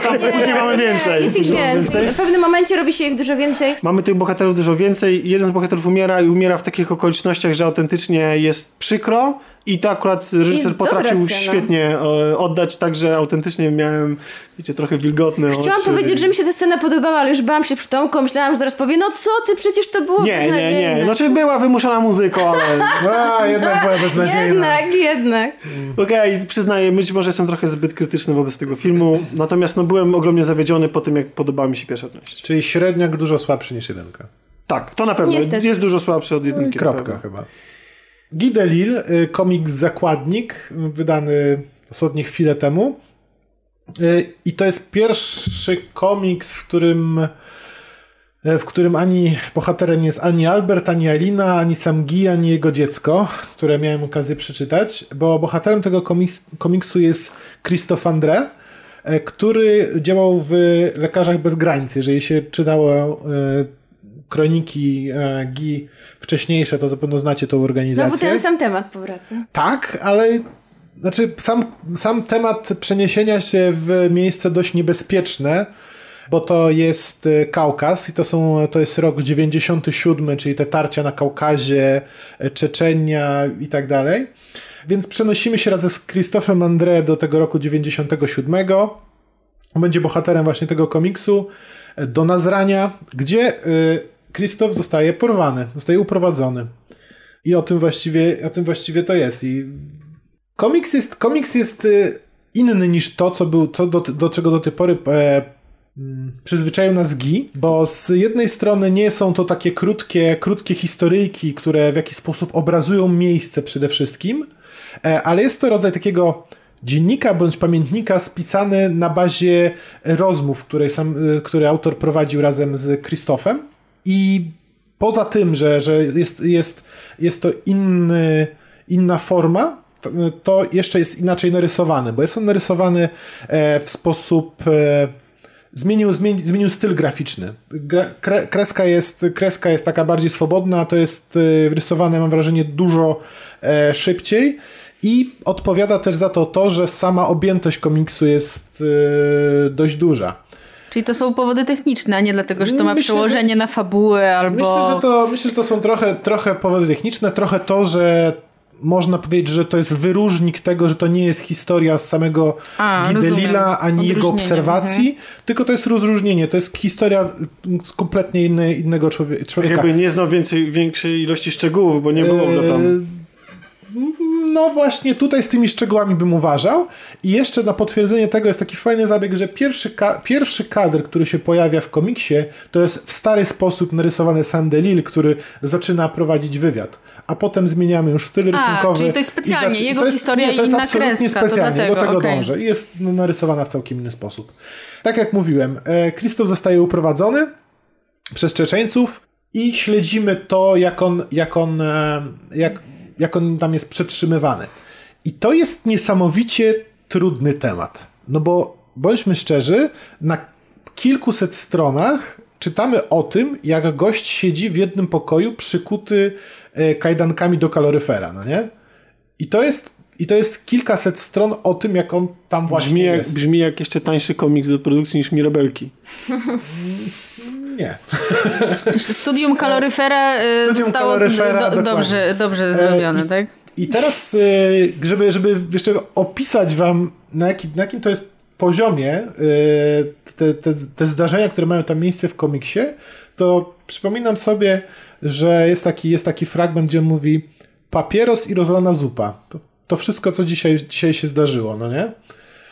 I my towarzyszymy temu człowiekowi, który, który jest zamknięty, nie wie co się dzieje, nie wie czy ktoś go szuka, nie wie gdzie jest, w jakim konkretnie jest mieście, miejscu, zaczyna, zaczyna się zastanawiać kiedy stąd wyjdzie i na początku y, jest pewien, że a na pewno to potrwa kilka dni, na pewno go, na pewno go znajdą. Zaczyna liczyć te dni, to liczenie dni i w ogóle pilnowanie jakiegoś kalendarza, żeby on był świadom kiedy się teraz znajduje, chociażby w czasie, jest y, jedynym, co go praktycznie trzyma jeszcze w jakiejś takiej w miarę świado- świadomości i on ciągle, ciągle się zastanawia. Jesteśmy cały czas y, razem z jego, z, jego, z jego myślami i jednocześnie mamy ciągle powtarzaną tą, powtarzaną tą codzienną rutynę, do której tam, do której tam e, dochodzi. Znaczy o tej o tej godzinie przychodzi gość, daje mu tą samą zupę, tą samą herbatę, idą do, idzie do, może pójść do toalety, potem wracają, z powrotem go przykuwa i minął dzień następny.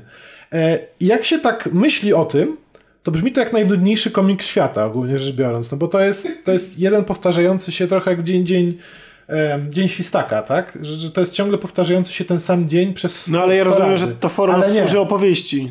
Ale nie, nie, tak, tak brzmi opowieść. Ale Znaczy, nie wiem, ale właśnie, że ona właśnie po to taka jest, żebyśmy my tą monotonię i nudę dnia codziennego doznali czytając ten komiks. powiem szczerze, że, że my, my jesteśmy towarzyszami w tym monotonii i nudzie, ale Znaczy nudzie, no. nudzie, y, w upadku człowieka, pogrążeniu w, w Izolacji. absolutnie beznadziei, no bo, no bo wielokrotnie bohater mówi, że on już nie da rady, że on popadnie w szaleństwo i to pierwszy taki tekst słyszymy już po tygodniu i to, co się dzieje później, pokazuje, że człowiek jest w stanie tak naprawdę wytrzymać dużo dłużej, dużo dłużej i dużo więcej rzeczy, niż sobie w ogóle e, zdaje z tego sprawę. I tego typu obserwacji, to jak on wspomina te wszystkie rzeczy połączone z, z tym, jak Guy udało mu się tą obrać, ubrać w tą formę, prowadzi do tego, że komiks o człowieku, który jest zamknięty w pokoju, przywiązany ręką do kaloryfera, budzi emocje non-stop. To nie jest tak, że ty, że ty się nudzisz, że zastanawiasz się, jak daleko jeszcze do końca. Wręcz przeciwnie. E, jesteś po- poruszony non-stop tym, co tam, tym, jak on tam się zmaga sam ze sobą. to, co mnie bardzo też e, zainteresowało i bardzo mi się spodobało w tym dziele, jest to, że jak mamy wyobrażenie tego, jak, e, jak wygląda, nie wiem, uprowadzenie albo coś takiego, to mamy wyobrażenie, które... które U nas to wtorek, nie? Powszedni, Tak, dokładnie. dwa razy nie, byłem. to- tak. Dwa razy w różnej tej. Tym raz sam siebie, nie? Tak, dla okupu. Tomek Ja- często się uprowadza. Wiecie, wiecie, że są takie... Wciąga się za, Wiecie, za, że są za tak- krawat do łazienki. Team krawat właśnie Że są takie powiedzieć. usługi niby na mm, kawalerski kawalerskie, wieczór, tak. y, wzorowane na filmie Gra. Tak, że... Też na końcu kogoś przez okno wy- wyrzucają? No, ale podobno wpadają goście, Tak. porywają pana młodego, i gdzieś tam się dziwne rzeczy dzieją. To jest na granicy chyba jakiejś legalności w ogóle, Strasznie. bo Na, tam... Darkne, bo na Darknecie też można takie wykupić wieczory Tak, ale kawalerskie. potem nie wracasz. A to słuchaj no. Dobry wieczór. Ale, roz, ale rozumiem, że zakładnik to nie jest jeden wielki wieczór kawalerski. Nie, absolutnie, to nie jest jeden wielki wieczór kawalerski. Jak ja na przykład myślałem o, o takiej sytuacji, to miałem dwa obrazy. Pierwszy obraz wykreowany przez kino amerykańskie, gdzie gdzie ludzie, który, gdzie tam co najmniej trzeba się albo zakochać w zakładniku, albo może się, musi się okazać zwyrodnialcem i tam ci gwałci. Syndrom sztokholmski, właśnie. Czy on tutaj się pojawia? Absolutnie nie. Albo przez takie, wiecie, polskie kroniki kryminalne, gdzie kogoś przetrzymywali w starym szambie przez pół roku, nie?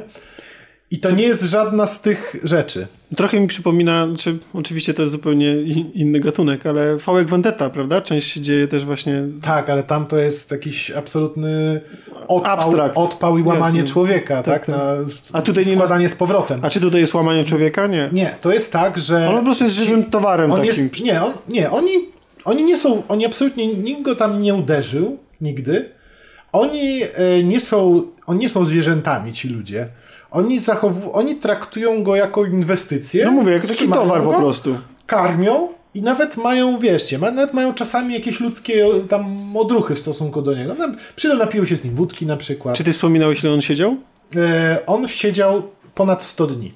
Okej. Ojej, dużo. Ponad 100 dni. Zmieniał trzy razy miejsce pobytu, więc to nie było tak, że to był cały czas ten Są sam ludzie, kaloryfer. którzy są więzieni po Kaloryfery się- kilka lat. Kaloryfery się zmieniały. Czy, czyli Kilkanaście. widok przez tą szparkę w drzwiach miał na, na inny, tak? Tak, Trzy widok razy. przez, czas, przez chwilę był na przykład w, tego zamknięty człowieka. w szafie przez, przez ileś tygodni, na przykład takiej dużej szafie był zamknięty, gdzie był materac i, i tyle, nie? Pytanie. Mhm. Bo oprócz tego, znaczy wiemy, że skoro opowiedział swoją historię, to znaczy, że w jakiś tam został uwolniony. Tego nie zdradzę może jak Znaczy, do tego doszło. E, tytuł zdradza, że to jest historia ucieczki. On uciekł stamtąd.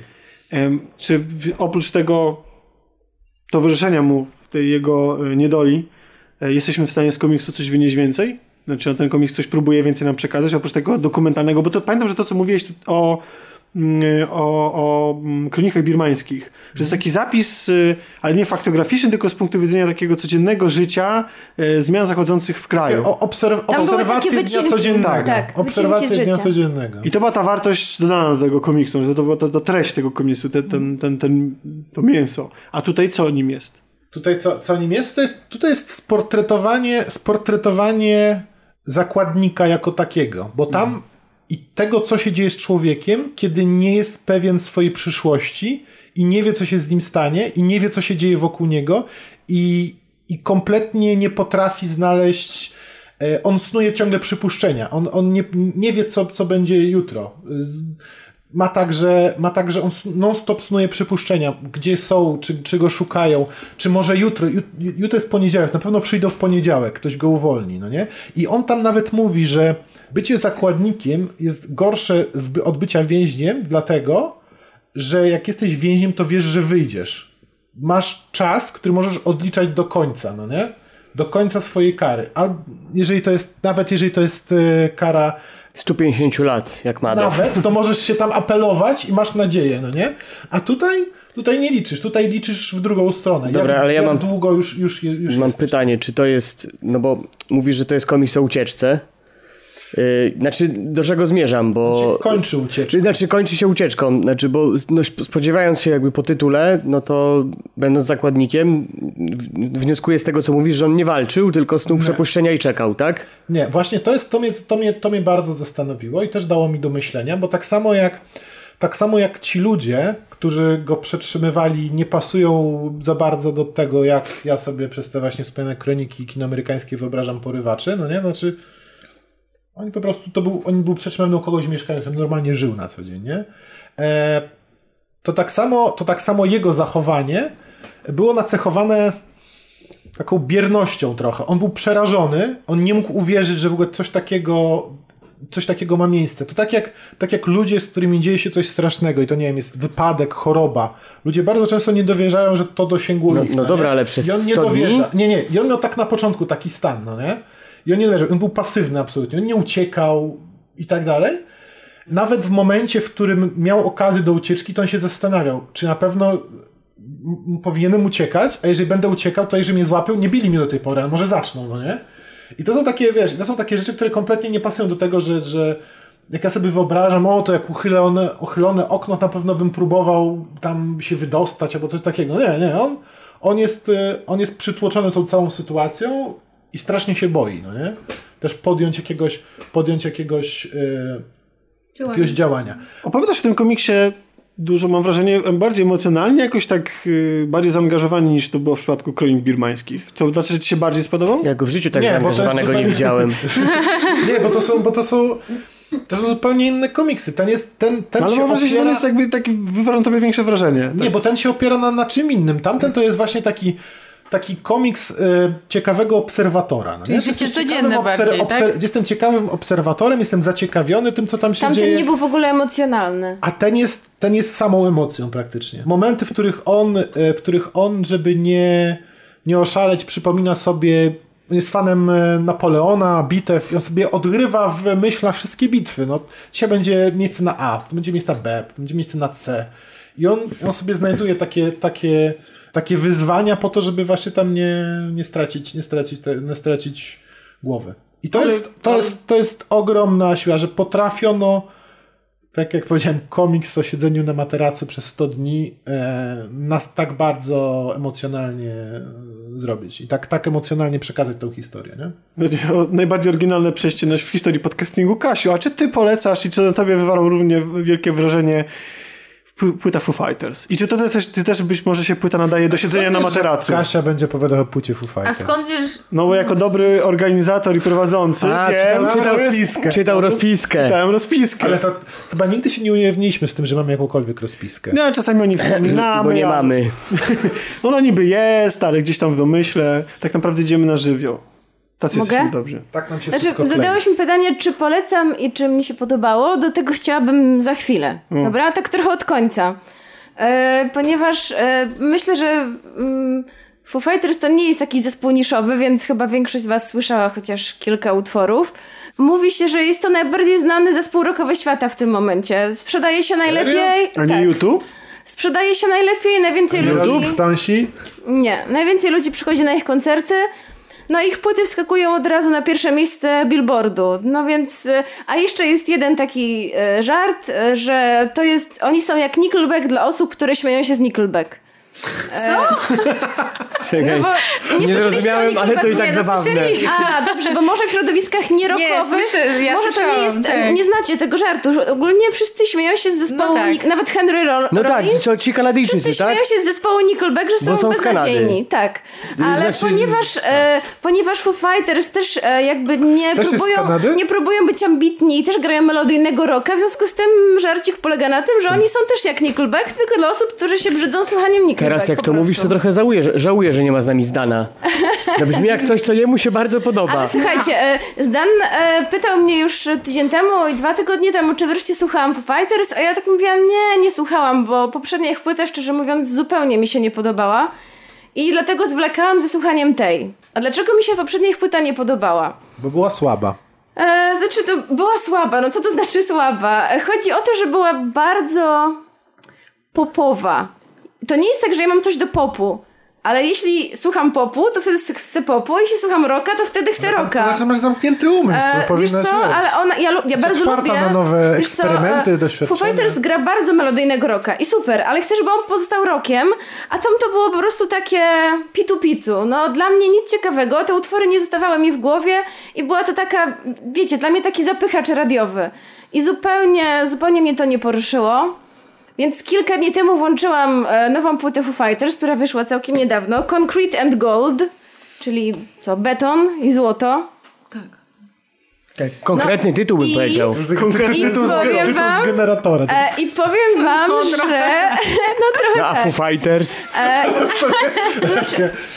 Myślę, to jest cały czas ten sam generator, który Prawie jak, to prawie jak Foo, Fighters, E, nie? To znaczy, jak wiecie, prawdopodobnie e, liderem Foo Fighters jest Dave Grohl, e, czyli Nirwany. były perkusista Nirwany, czyli jest to osoba, która wie, jak sprzedawać muzykę i już jest w tym em, świadku muzycznym już troszeczkę lat siedzi. Musisz E, mieć tego charyzmatycznego frontmana, który popełnił samobójstwo. e, I potem był- się samo sprzedaje. A potem się samo sprzedaje. On teraz jest frontmanem, chociaż nie ukrywa tego, że nie jest świetnym wokalistą. Ale szczerze mówiąc, e, szczerze mówiąc, pisze dobrą muzykę, udziela się w różnych projektach, nie tylko e, rockowych, e, no już nie będę wymieniać, bardzo, bardzo różnych. Jest on kumplem tak naprawdę chyba wszystkich e, w branży muzycznej, co też e, bardzo popłaca. I między innymi jednym z jego Jakieś naj... kolesiostwo, no. Nie wiem. Ale powiem wam, jakie kolesiostwo. Jednym z jego kumpli jest Paul McCartney, który występuje gościnnie też na tej płycie. A wiecie, co robi Paul McCartney na tej płycie? Gra na perkusji. Gra na perkusji w jednym Czy może to kawałku. grać ktokolwiek, kto nie umie grać na perkusji No po prostu, i potem powiedzieć, że to jest Paul McCartney? To też z generatora perkusji taki. Tak. To znaczy, wiecie co, ten kawałek jest po Generator prostu... Paula McCartneya. Ta płyta jest czuć, że jest bardzo inspirowana w ogóle muzyką Beatlesów. Jakby muzykę Beatlesów przybrudzić i dać jej taki gitarowy przester i bardziej na rockowo. Płyta Abbey Road. Yy, widać, że była dużą inspiracją.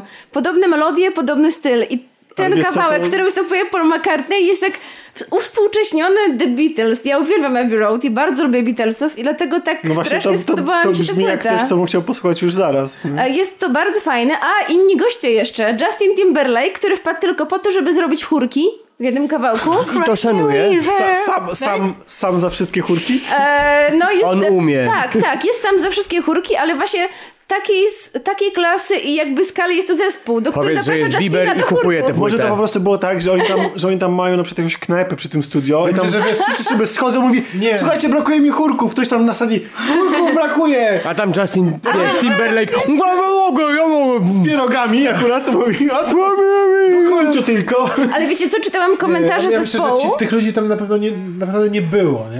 To Ktoś tam grał na perkusji, ktoś robił jakieś Nie, chóry. no myślę, Ale- ja myślę, że fotosy są z tego. To naprawdę nie robi się takiej akcji bez tak. making-offu, bez Ale posłuchajcie, bez, co, co ci powiedzieli o Justinie Timberlake'u ludzie zespołu Foo Fighters, że to bardzo miły i kulturalny i profesjonalny facet i że wcale się nie obraził, że jest tylko do chórków. I że bardzo Ale przyjął to. Timberlake'a to ty szanuj. Ja bardzo szanuję, uwielbiam. No. E, I kto jeszcze? I wokalistka The Kills też występuje tak trochę w kurkach, tro, trochę chórkach, a trochę jak drugi głos. Bardzo fajna rockowa płyta, która jest jednocześnie bardzo melodyjna. Każdy kawałek jest przebojem. Od razu radiowy przebój taki do eski rock, naprawdę do antyradia, a z drugiej strony ma fajny rockowy pazur, czyli dla mnie ideał, jeśli chodzi o Foo Fighters. Taka muzyka, do której nie trzeba się bardzo skupiać w tle do jazdy samochodem, nie wiem, do potańczenia, poskakania. Mm. No i dlaczego tak się dobrze sprzedają? No bo to jest muzyka tak naprawdę prawie dla każdego. No Czyli i co, 4 na 4 w tym znaczeniu nie jest to dla mnie żadna ujma. Po prostu dobry, Trzy radiowy, akordy darcie gitarowy mordy po rock. prostu. Poprzednia płyta była tylko melodyjna i właśnie taka... Wiecie, no w ogóle nie chciało mi się przy niej potupać, poskakać. A ta jest taka, że od razu wpada w ucho. nie na parkiet. Od razu tak. I od razu podśpiewywałam.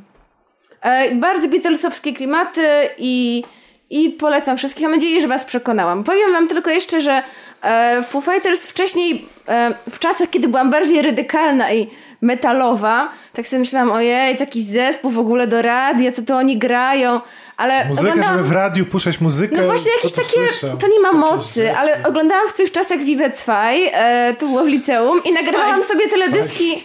No co? No tak, tak. Ra- radykalna była, ale niemiecką telewizję o- oglądała. Czy wiecie o tym, że Viva jest niemiecka? Może w dzisiejszych Tak, czasach wiemy. już jest tylko w polska, ale w tamtych była jeszcze? niemiecka. Teraz już Zwei nie ma, jest tylko plus, ale, Ale nie jest. jest w ogóle Viva, tak? Jest. U. Chciałam was zapytać, czy robiliście to co ja, bo jeszcze nie Czekaj, czekaj. internetu, ale nagrywałam teledyski na kasetach kasetę wideo i do dzisiaj mam kasetę 4-godzinną wideo, gdzie mam na, ponagrywane teledyski z Vivid Spy. Każdy to robił. Nie, ja tego nie Nie, lubię. Ja nagrywałem ja grałem na teledyski. płytach. Nie było ja wtedy byłem ściągania z YouTube'a. CD, e, wymieniliśmy się z kolegami w, w A, szkole. no okej. Nie, to No ja nagrywałem, rapo, rapowe teledyski I nagrywałem. co mnie To jest ujęło? różnica pokoleń, nie? Tu te VHS-y, tu płyty Ale CD. powiem wam, co mnie ujęło w Foo Fighters. Świetne ich teledyski i to, że oni grali wszystkie role. Znaczy grali rolę Właśnie, dzieci, grali rolę kobiet. No taki teledysk Learn to Fly, w którym gra Jack Black, którym e, na- narkotyki się dostają e, do kawy i narkotyzuje się cała ekipa samolotu i wszystkie Brzmi jak pasażerowie. scenariusz Kingsman. Ale słuchajcie, teledysk jest świetny, więc to mnie najbardziej ujęło w Foo Fighters, że oni tak fajnie podchodzą do tego, wiecie, na luzie, grają w teledyskach, nie z wąsami kobiety czy dzieci, w kucyki też wąsy, broda. E, I to są- było dla mnie śmieszne, Nie są fajne, z pomysłem. gwiazdami, tak? Tak, i to było takie z jajem i spodobało mi się i zaczęłam ich słuchać, i mimo że wtedy to był trochę przypał, nie? Tu taki, taka metaluwa na czarno ubrana, słucha jakiś Foo Fighters. A tak publicznie, czy tak po kątem, wiesz? Nakrywałaś początku- telewizor Ja ona w domu zasłaniała tak, żaluzję, tak, wiesz. Tak, tak żaluzję A zasłaniała. czarne Słuchawki. włosy? Tak.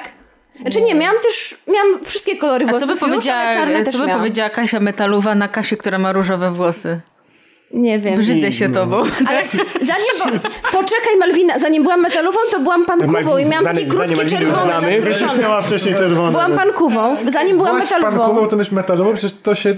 Nie, no ja. Bo- Proszę cię. No metale się leją z Ale pankami. do, nie dorastałeś w Kiedyś latach tak 90. Nikt nie- Ale nie dorastałeś na tym etapie, żeby się właśnie buntować. Wtedy się przechodziło wszystkie etapy i było się, albo było się... Przepraszam bardzo, ja byłem całe moją młodość zbuntowanym metaluchem. Naprawdę? Czarek. Naprawdę. Nie Poczekaj, powiedziałbym. miałam glany i po prostu jak byłam pankową, to były podwinięte nogawki. Potem odwinęłam nogawki, Już- parkę dokupiłam, włosy zapuściłam i już, wszystko okej. Mila, ty kim byłeś za młodu? Zgaduj. Hip-hop. Popowcem. No przez chwilę też. Ja bym powiedziała, że e, e, takim dresoskate'em. Nie, akurat tym nie byłem. Bohater Mirabelek? Nie, nie, właśnie nie. Taki nawet podobny, nie?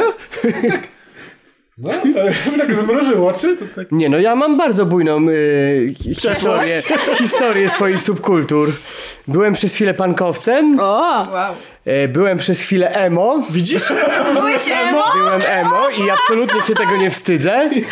Ale, wtedy, taką wtedy grzywkę mieszkałem w czarną? Stanach i to były trochę inne czasy. I Emo w nie Stanach? wiedziałem jeszcze, co to jest w ogóle. Miałeś taką grzywkę Miałem taką czarną? grzywkę, miałem snakebite, kupę Sala kolczyków. i w ogóle? Nie, nie, to już taki, to już nie ten poziom, to było dużo wcześniej, nie? Łukasz, który u nas gości nie występował, też był emo jakiś czas. Zawsze Więc chciałem zostać dogadali. dresiarzem, ale niestety nie miałem odwagi, jak byłem młodszy, więc dresiarzem mogę być Ja teraz. myślę, że to, się, to nie jest tak, że E, zostaniesz. No i faktycznie trochę tam gdzieś latałem w, w za szerokich spodniach, tak? To, to Czyli- No to trochę trafiłam jednak. zawsze nie lubiłem metali. Nie lubiłeś te metali? Nie. No widzisz, że teraz... No bo brudne włosy mieli, co by nie? Twój, Tak jak e, Czarek. Miros młodości powiedział o tym, że siedzisz z byłą metalową i z byłym metalowym, metalu, metalowym. A ja Metalowym. jeszcze... Ale kurde, jak ja widziałem twoje zdjęcie, to też jakiś powściąganym czarnym t-shircie z długim No włosem. Ale nigdy nie O słuchałem właśnie, metalu. a ja grunge'u jeszcze słuchałam. jak Metal for. Grunge'u. Ja słuchałam grunge'u, więc wyciągnięty sweter No musiał grunge, być. no tak, no no tak, grunge'u, Alice in. Chains. Więc moje były środowisko metalowe, się tym nie śmieję, że noszę teraz kolorowe apaszki, ja się tego nie wstydzę. Nie, ale- najlepszych kolegów, jak się poznaliśmy, to był takim opierdzielonym na kolanko w dresiku, a miałem długie włosy i chodziłem w glanach. Nie? I się wtedy poznaliśmy. No i spoko. I To jest nie, bardzo dziwne. Tamten, tamten Czarkowi mordę obił. I w ten sposób się stali blisko. Tak. Nie, nie, nie, Tam ale- jeszcze połamał rękę na czarkę twarzy, obaj Ale wystawali ale- na sorze. Ale się, ale się wtedy, że kiedy właśnie się biliśmy, ale nie ze sobą, tylko Z innymi. Tylko z innymi. Ale mieliście Dwóch. przechlapane, bo we dwóch byliście przeciwko całemu światu. Jaki Nie, to jest ale to, był, bromans. ale to był, ale to był taki, to jest romantyczne, ale to był taki moment, że się bardziej zakumplowaliśmy wtedy. Bromans. Bardzo cieszę się, że moje opowieści o Foo Fighters poruszyła w was takie sentymentalne struny, ale naprawdę, włączcie sobie Foo Fighters w samochodzie, na przykład ostatnią płytę, melodyjna, fajna, Ale polecam. Nie skończyliśmy. Ty kim byłaś za młodu? Właśnie ja chyba byłam po prostu kujonem. Tak mi się wydaje, no. Znaczy Paliłaś słuchamy różnych rzeczy. Kultura? No Miałaś tak. Narkotyki, nic? Papierosy, wino tanie, nie, nic. Ale wiesz co, nie, bo ale to bycie kujonym jednocześnie nie, nie przeszkadza w byciu No nie, nie przeszkadza, ale nie oznacza, że musisz to robić. Ale kujon to jest ten, kto Czyli jest... pewnie amfetamina. Nie, ale Malwa, nie wierzę w to. Kujon to jest ktoś, kto nie jest wystarczająco inteligentny, żeby mu wiedza nie przychodzi tak, tylko musi siedzieć i zakuwać. Nie no nie, musiałam. ale nie, no ale kujoni to są tacy, którzy mają dobre oceny, tak jest to. Chociaż teraz, teraz to chyba to nie ma, nie ma kujonem takiego. To ja też byłem kujonem. Ja też byłam był kujonem. Ale to, ale to chyba nie ma w związku z tym takiej teraz, tak mi się wydaje, że teraz nie ma czegoś, Zgłaszałam czegoś się na lekcji, że, miałam dobre oceny, że- ale się nie uczyłam za powiedzieć, Czy bardzo. dzieciaki teraz piętnują kujoństwo? Bo wydaje mi się, że one Tak. tak. w cenie. Piętnują. Nadal. Tak. O. nadal, okej. Czyli nadal są ci fajni i ci... Nie, ci fajni to są nie kujoni, tak. No tak, o to mi Wszyscy chodzi. mówią, ja się nie uczyłem, znowu nie mam pracy domowej. To teraz się pożegnamy z y, częścią składu, a my z Kasią dokończymy e, naszą rozmowę o filmach, bo jeszcze mamy kilka rzeczy powiedzenia do filma, o filmach. To co? Żegna się z wami Malwina Pacek, Cześć. Cezary Nejszewski Cześć. i Milo Jones. Na razie. No dobra, to teraz y, będziemy rozmawiać z Kasią o filmach, bo reszta musiała niestety nas opuścić. Jak Kasia się spóźniła, to za karę zostaje i będzie Dobrze. opowiadać. A o czym opowiemy sobie? Opowiemy sobie może o ptakach, co? Tak, chciałam powiedzieć, że o małżeństwie Krause, ale przecież już... Mm, No to... Krzysztof, pan Krzysztof już nieobecny, ale mówi się, że to jest ich ostatnie wspólne dzieło. Tak, pan Krzysztof Krause napisał do tego filmu scenariusz, ale zrealizowała go już jego żona. Tak, mowa o filmie Ptaki śpiewają w Kigali. Ptaki śpiewają w Kigali. Film opowiadający o znajomości dwóch kobiet, które uszły z życiem z rzezi masakry ludności w Ruandzie na początku lat 90. W, zdaje się, że największe po II wojnie światowej tego typu masakrze ludności. Mm, Chodzi oczywiście o wojnę domową pomiędzy wo- wojnę domową w Ruandzie i o mm, masakrę dokonaną przez Hutu na ludności Tutsi. Tutsi. Mhm. Em, plemienia, By- które ze sobą walczyły. em, Były już o tym filmy, Tak. e, na przykład Hotel Rwanda, Tak, ja- ale ten film tak naprawdę opowiada od, o tej masakrze od zupełnie innej strony. Mówisz o ptakach. Tak. Tak, właściwie to o, ta masakra jest właściwie tylko przytrzynkiem do tego, żeby opowiedzieć o, o żałobie, o żalu, o traumie przede wszystkim, o, o tym, jak się czuje, jak może się czuć e, osoba, która z takiej masakry uchodzi z życiem. Główna bohaterka to Polka, grana przez Jowity Budnik Jowitę Budnik, którą mogliśmy wcześniej oglądać chociażby w e, Papuszy. I Placu Zbawiciela. I Placu Zbawiciela. I ona jest tutaj ornitologiem, która jeździ po świecie i bada sępy. Sępy, tak. Mm, Natomiast druga kobieta to jest córka ornitologa z Ruandy, z którym nasza bohaterka z Polski prowadziła razem badania nad tymi sępami. I I właśnie Panie się wcześniej znały, bo mówi się, że ona współpracowała właśnie z ojcem tej, tej dziewczyny z Ruandy. E, Wiele lat podobno ona tam spędziła badając te sępy. To był jakiś dłuższy projekt. To nie było tak, że ona tam wpadła na chwilę i zrobić badanie i wyjechała. Czyli prawdopodobnie, bo też nie wiemy wszystkiego, przed wydarzeniami z filmu panie długo się znały. Bo mówi się, że, były przy... m, że mm, pani naukowiec była przyjaciółką rodziny wręcz. Tak to zostaje kilka razy nazwane. No i zaczyna się rzeź i nasza bohaterka jakimś e, cudem przemyca, sama uchodzi z życiem zresztą em, i przemyca córkę właśnie tego ornitologa z, z Ruandy, tego swojego przyjaciela, do Polski.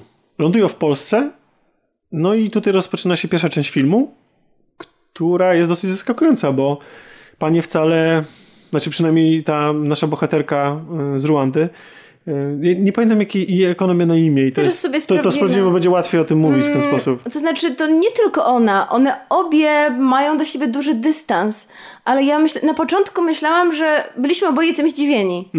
E, dlaczego tak się do siebie odnoszą? I jedna i druga. E, Ale myślę, że one po prostu wzajemnie przypominały sobie, patrzenie samo na drugą kobietę przypominało i o tym, czego były świadkami i co przeżyły razem. Wiesz, bo co tam- prawdopodobnie ja myślę, większość tych, tych wspólnych przy... chwil... No, no. Większość tych wspólnych chwil była naznaczona piętnem tego cierpienia i tego strasznych rzeczy, które one przeżyły. Nawet nie wiemy dokładnie, co przeżyły.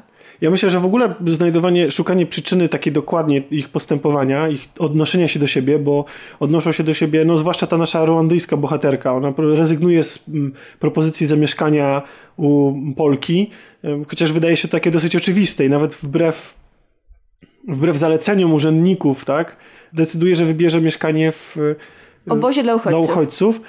Ale potem jednak los y, sprawia, że ostatecznie ląduje w mieszkaniu. Claudine, czy Claudine? Claudine się nazywa. e, Claudine, Claudine. Claudine. Tak, no więc y, później los sprawia, że Claudine jednak ląduje ostatecznie w mieszkaniu y, Polki. Ale polska pani ornitolog, doktor Anna Keller, to sobie spo- musiałam sprawdzić na Filmwebie, Pani Ani. e, też e, przez jakiś czas nie chce też jej przyjąć pod swój dach. Potem, potem. Tak, właśnie ta, ta relacja ich jest bardzo trudna. Jest trudna. I, I one się właściwie oswajają ze swoim cierpieniem, ze sobą nawzajem. I tam jest tych, ym, ym, tych poziomów ich, ich relacji, to, y, to, to jak wiele rzeczy między nimi nie gra, jest bardzo jest bardzo dużo i to nie jest tak, że można to sprowadzić do jakiegoś jednego głównego Oczywiście, problemu. I one się zachowują właściwie obie trochę, wydawałoby się, irracjonalnie. Irracjonalnie, tak. I tak nielogicznie, ale z drugiej strony ciężko oceniać zachowanie kogoś, kto przeżył y, raz, że stratę bliskich osób, a dwa, że sam uniknął mm, no, po prostu śmierci w taki brutalny Nie sposób. jesteśmy też znawcami, psychologami z od zespołu stresu pourazowego, ale i też nie wiemy, jakie dokładnie są objawy tego, ale to jest choroba, ona nie jest racjonalna, więc zachowanie ludzi, e, którzy przeżyli wojnę, wyszli cało z takich różnych traumatycznych wydarzeń, może być takie dziwne i nieprzewidywalne. I film- Ciężko jest do nich dotrzeć. One obie są, mam wrażenie, że one obie są takie zamknięte w sobie, otaczają się murem i, i tak naprawdę w filmie nie widzimy, znaczy one się troszkę zmieniają, ale one do końca filmu nie wychodzą z tego moim zdaniem. O, bez, jest w ogóle pytanie, czy w ogóle kiedykolwiek Jest kilka takich wyjść. momentów takiego lekkiego katarzis, ale e, one są cały czas otoczone, zamknięte w jakimś swoim pancerzu i to jest dla mnie najsmutniejsze. I właśnie jak mówisz o tym pancerzu, to bardzo mm, z tym współgra forma, w jakiej jest nakręcony film, bo film jest, y, podejrzewam też, y, znaczy podejrzewam, że to jest wybór artystyczny, bo, bo, bo ekipa filmowa była na przykład w Ruandzie i kręcono zdjęcia na miejscu, ale masa akcji się dzieje w Polsce, po- w Polsce początku lat 90., którą nie tak trudno przecież odtworzyć na ekranie, a mimo to mamy kadry i plany bardzo ciasne i bardzo wąskie. Jesteśmy niemalże cały czas Aż niewygodne. Aż niewygodne. Cały czas jesteśmy skupieni na naszych bohaterkach. E, Rzadko widzimy rozmówców naszych bohaterek. Trochę, trochę na wzór takiej, e, tego serialu Kasia i Tomek, gdzie często czujemy kogoś w kadrze, czujemy, że gdzieś tam przebywa, ale nie jest, ale główna reakcja, To jest znaczy kamera jest skupiona na reakcji jak w Placu. Zbawiciela, ale jeszcze dalej. Tak, bo tam było tak posunięte, bo tam było tak, że zaglądamy na przykład do łazienki. E, Podobna też e, sytuacja, tylko też e, delikatniejsza zupełnie była w tym filmie Ostatnia Rodzina, gdzie też mieliśmy wrażenie, że zaglądamy przez drzwi tak naprawdę do czyjegoś prywatnego życia. I tutaj było podobnie, tyle tylko, że jeszcze to zostało sprowadzone ostrzej i jeszcze bardziej niewygodnie dla widza, żebyśmy my też poczuli dyskomfort. A czasami wręcz kamera w ogóle nie pokazuje nam rozmawiających postaci, tylko skupia się na jakimś elemencie otoczenia. I ten element otoczenia też jest często związany ze zniszczeniem albo śmiercią. Jest to albo na przykład zepsuty zegar, albo rozkładające się mm, jakiś y, mucha gdzieś tam leżąca martwa, albo na Albo w przykład... formalinie jakieś narządy, Dokładnie. dziwne zwierząt. Ale wiesz co, ten zabieg akurat średnio mi się spodobał, bo nie lubię takiej estetycznych. symbol... Nie, nie lubię takiej trochę symboliki na siłę. W sensie, że teraz pokażemy jelita, teraz pokażemy sępy, które zadają ofiarę i to ma pokazać śmierć. W sensie, mm, lubię takie kino artystyczne, ale to było dla mnie trochę takie właśnie, właśnie takie na siłę, takie za bardzo wprost. Okej, rozumiem, y, że to tak to odbierasz. Ja na przykład odebrałem to zupełnie inaczej. Znaczy mi się to bardzo podobało. Może tęskniłem trochę do, do czegoś takiego. I sam często te oczywiste takie sy- sy- symbolizm w kinie piętnuję. Natomiast tutaj do mnie to jakoś tam trafiło przez konsekwencje, z jaką mm, twórcy to robią. To jest o tyle zastanawiające, że autor zdjęć, pan Ptak, No właśnie chciałam powiedzieć, że w filmie zwróciliśmy uwagę, że troszeczkę się zmieniły zdjęcia w drugiej połowie filmu. I No potem tak. dopiero wyczytaliśmy, że że tak, że, że mm, autor zdjęć w trakcie skręcenia zmarł e, i zastąpiło go dwie inne osoby, ale mimo wszystko mam wrażenie, że to wszystko jest jakieś jednak konsekwentne gdzieś tam, że, że, że jest pewna, pewna dziwność w tej formie i ona mnie... znaczy ta mówiąc, klaustrofobia potem trochę znika. On Wraz z zdjęcia... tym, jak bohaterowie, jak bohaterki się do siebie zbliżają, trochę odpuszcza im... No tak, świat się rozszerza szczególnie w drugiej części. Tak. W e, momencie, kiedy wyjeżdżają e, do Rwandy już ponownie, już w momencie pokoju, kiedy jest tam bezpiecznie, e, to wtedy mm, robi się już bardziej otwarty świat. Pojawiają się nawet jakieś panoramy, chociaż nadal e, mamy takie ujęcia bardzo statyczne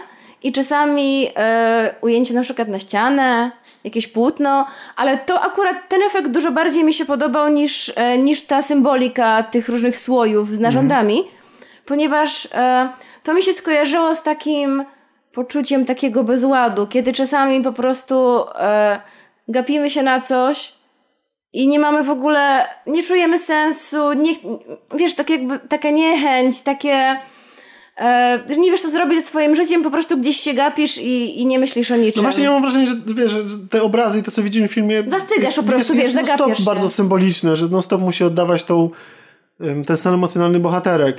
I mimo tego, że jak już nawet jak jesteśmy w Rwandzie, to nie, ty mówiłaś o jakichś panoramach, ale mam wrażenie, że to nie są panoramy, które mają nas mam pieścić nasze zmysł wzroku, nie. tylko też nadal one są takie szarobure, że to, ten świat jest też taki mniejszy, zamknięty i przede wszystkim jest taki czuć atmosferę po wojnie.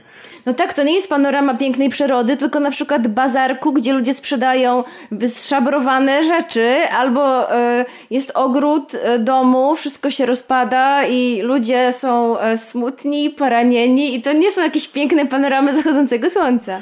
I, mm, jest, Ale jest szerzej. I, I te niektóre ujęcia są bardzo wymowne. Jest, taki, jest takie ujęcie z kościoła, gdzie widzimy sterty ubrań. I ono jest y, no, dla kogoś, kto był w, albo widział zdjęcia z obozów To koncentracyjnych. Tak, właśnie. To Też mi się od razu skojarzyło. ewidentne skojarzenie się nasuwa. I po prostu widać wtedy bez zbędnej brutalności, znaczy zbędnej, no bez dosłowności, o może w ten sposób, em, widzimy po prostu ogrom tej śmierci. Bo tutaj nie ma żadnej sceny tej pokazania tej przemocy. Jest trochę, Na no początku jest. filmu jest trochę, ale to się jakby urywa w takim. Pod koniec też mamy. no, ale Tylko, na- że ona nie jest taka no dosłowna. Tak, ale na początku filmu jakby to się urywa chwilę przed tym najgorszym, co miało prawdopodobnie, co prawdopodobnie nastąpiło i widzimy to trochę tak jak u Hanekego, czyli gdzieś tam poza kadrem, gdzieś tam w domyśle, ale to nie jest nigdy pokazane wprost całkiem. Tak.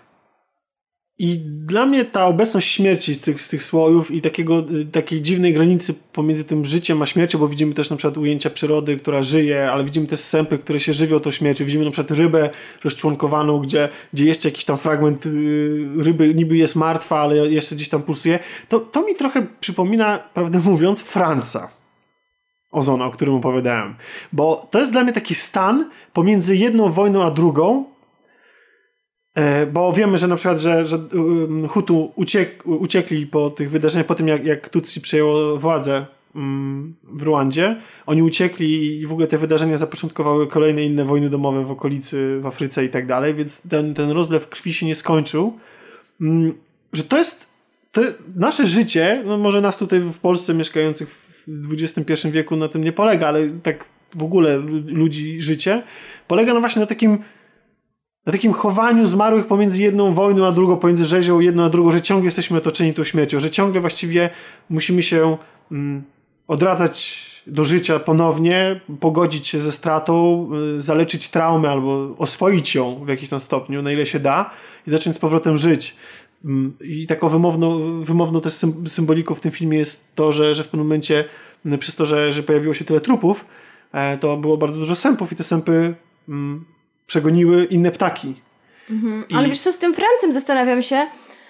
Może znaczeniowo tak, ale zupełnie te filmy mi się nie skojarzyły. Tamten był taki klasyczny, Nie, no aż jasne, do po, bólu. nie, nie mówię poznane formy, więc y, to, tak, bo, bo ten film ten film nie jest I nie, łatwy. był, I nie był taki naturalistyczny, bo ten mimo, że nie pokazuje właśnie przemocy, No. to jednak jest naturalizm tych scen, o których mówisz, te ryby, sępy i tak dalej. Bo to nie jest film, który, który jest dla każdego i, i przede wszystkim to nie jest film dla kogoś, kto chciałby się na przykład zapoznać z historią tego konfliktu i mieć na przykład tak wyłożone kawa na ławę, co się wydarzyło i pożyć w taki typowy Reportażowy. reportażowy albo typowy dla dużych produkcji z dużym budżetem em, film, tak? W sensie takim, że, że ta opowieść nie jest opowiedziana takimi tradycyjnymi środkami filmowymi, czy jest tradycyjnymi, bo to nie jest tak, że to jest, tutaj autorzy odkrywają coś na nowo, ale one jest, to, są, to są środki, które mogą być niewygodne dla e, każdego widza, więc to nie jest tak, że... Bo ja, mi się ten film osobiście bardzo podobał.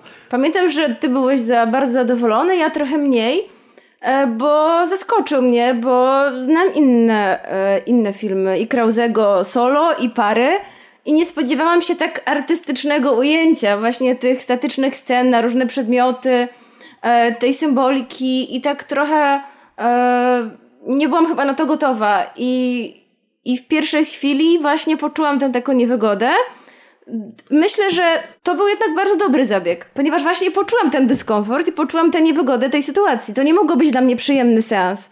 Film o traumie nie może być przyjemny. I chyba doceniłam go dopiero później, jak zaczęłam o nim myśleć, ale nie przeżyłam go bardzo emocjonalnie. Tak jak widziałam niektóre opinie w internecie, e, na, na Facebooku rozmawiałam z jedną e, dość znaną dziennikarką, która pisała, że jest mm, w ogóle ten film ją strasznie wstrząsnął i że bardzo go przeżyła.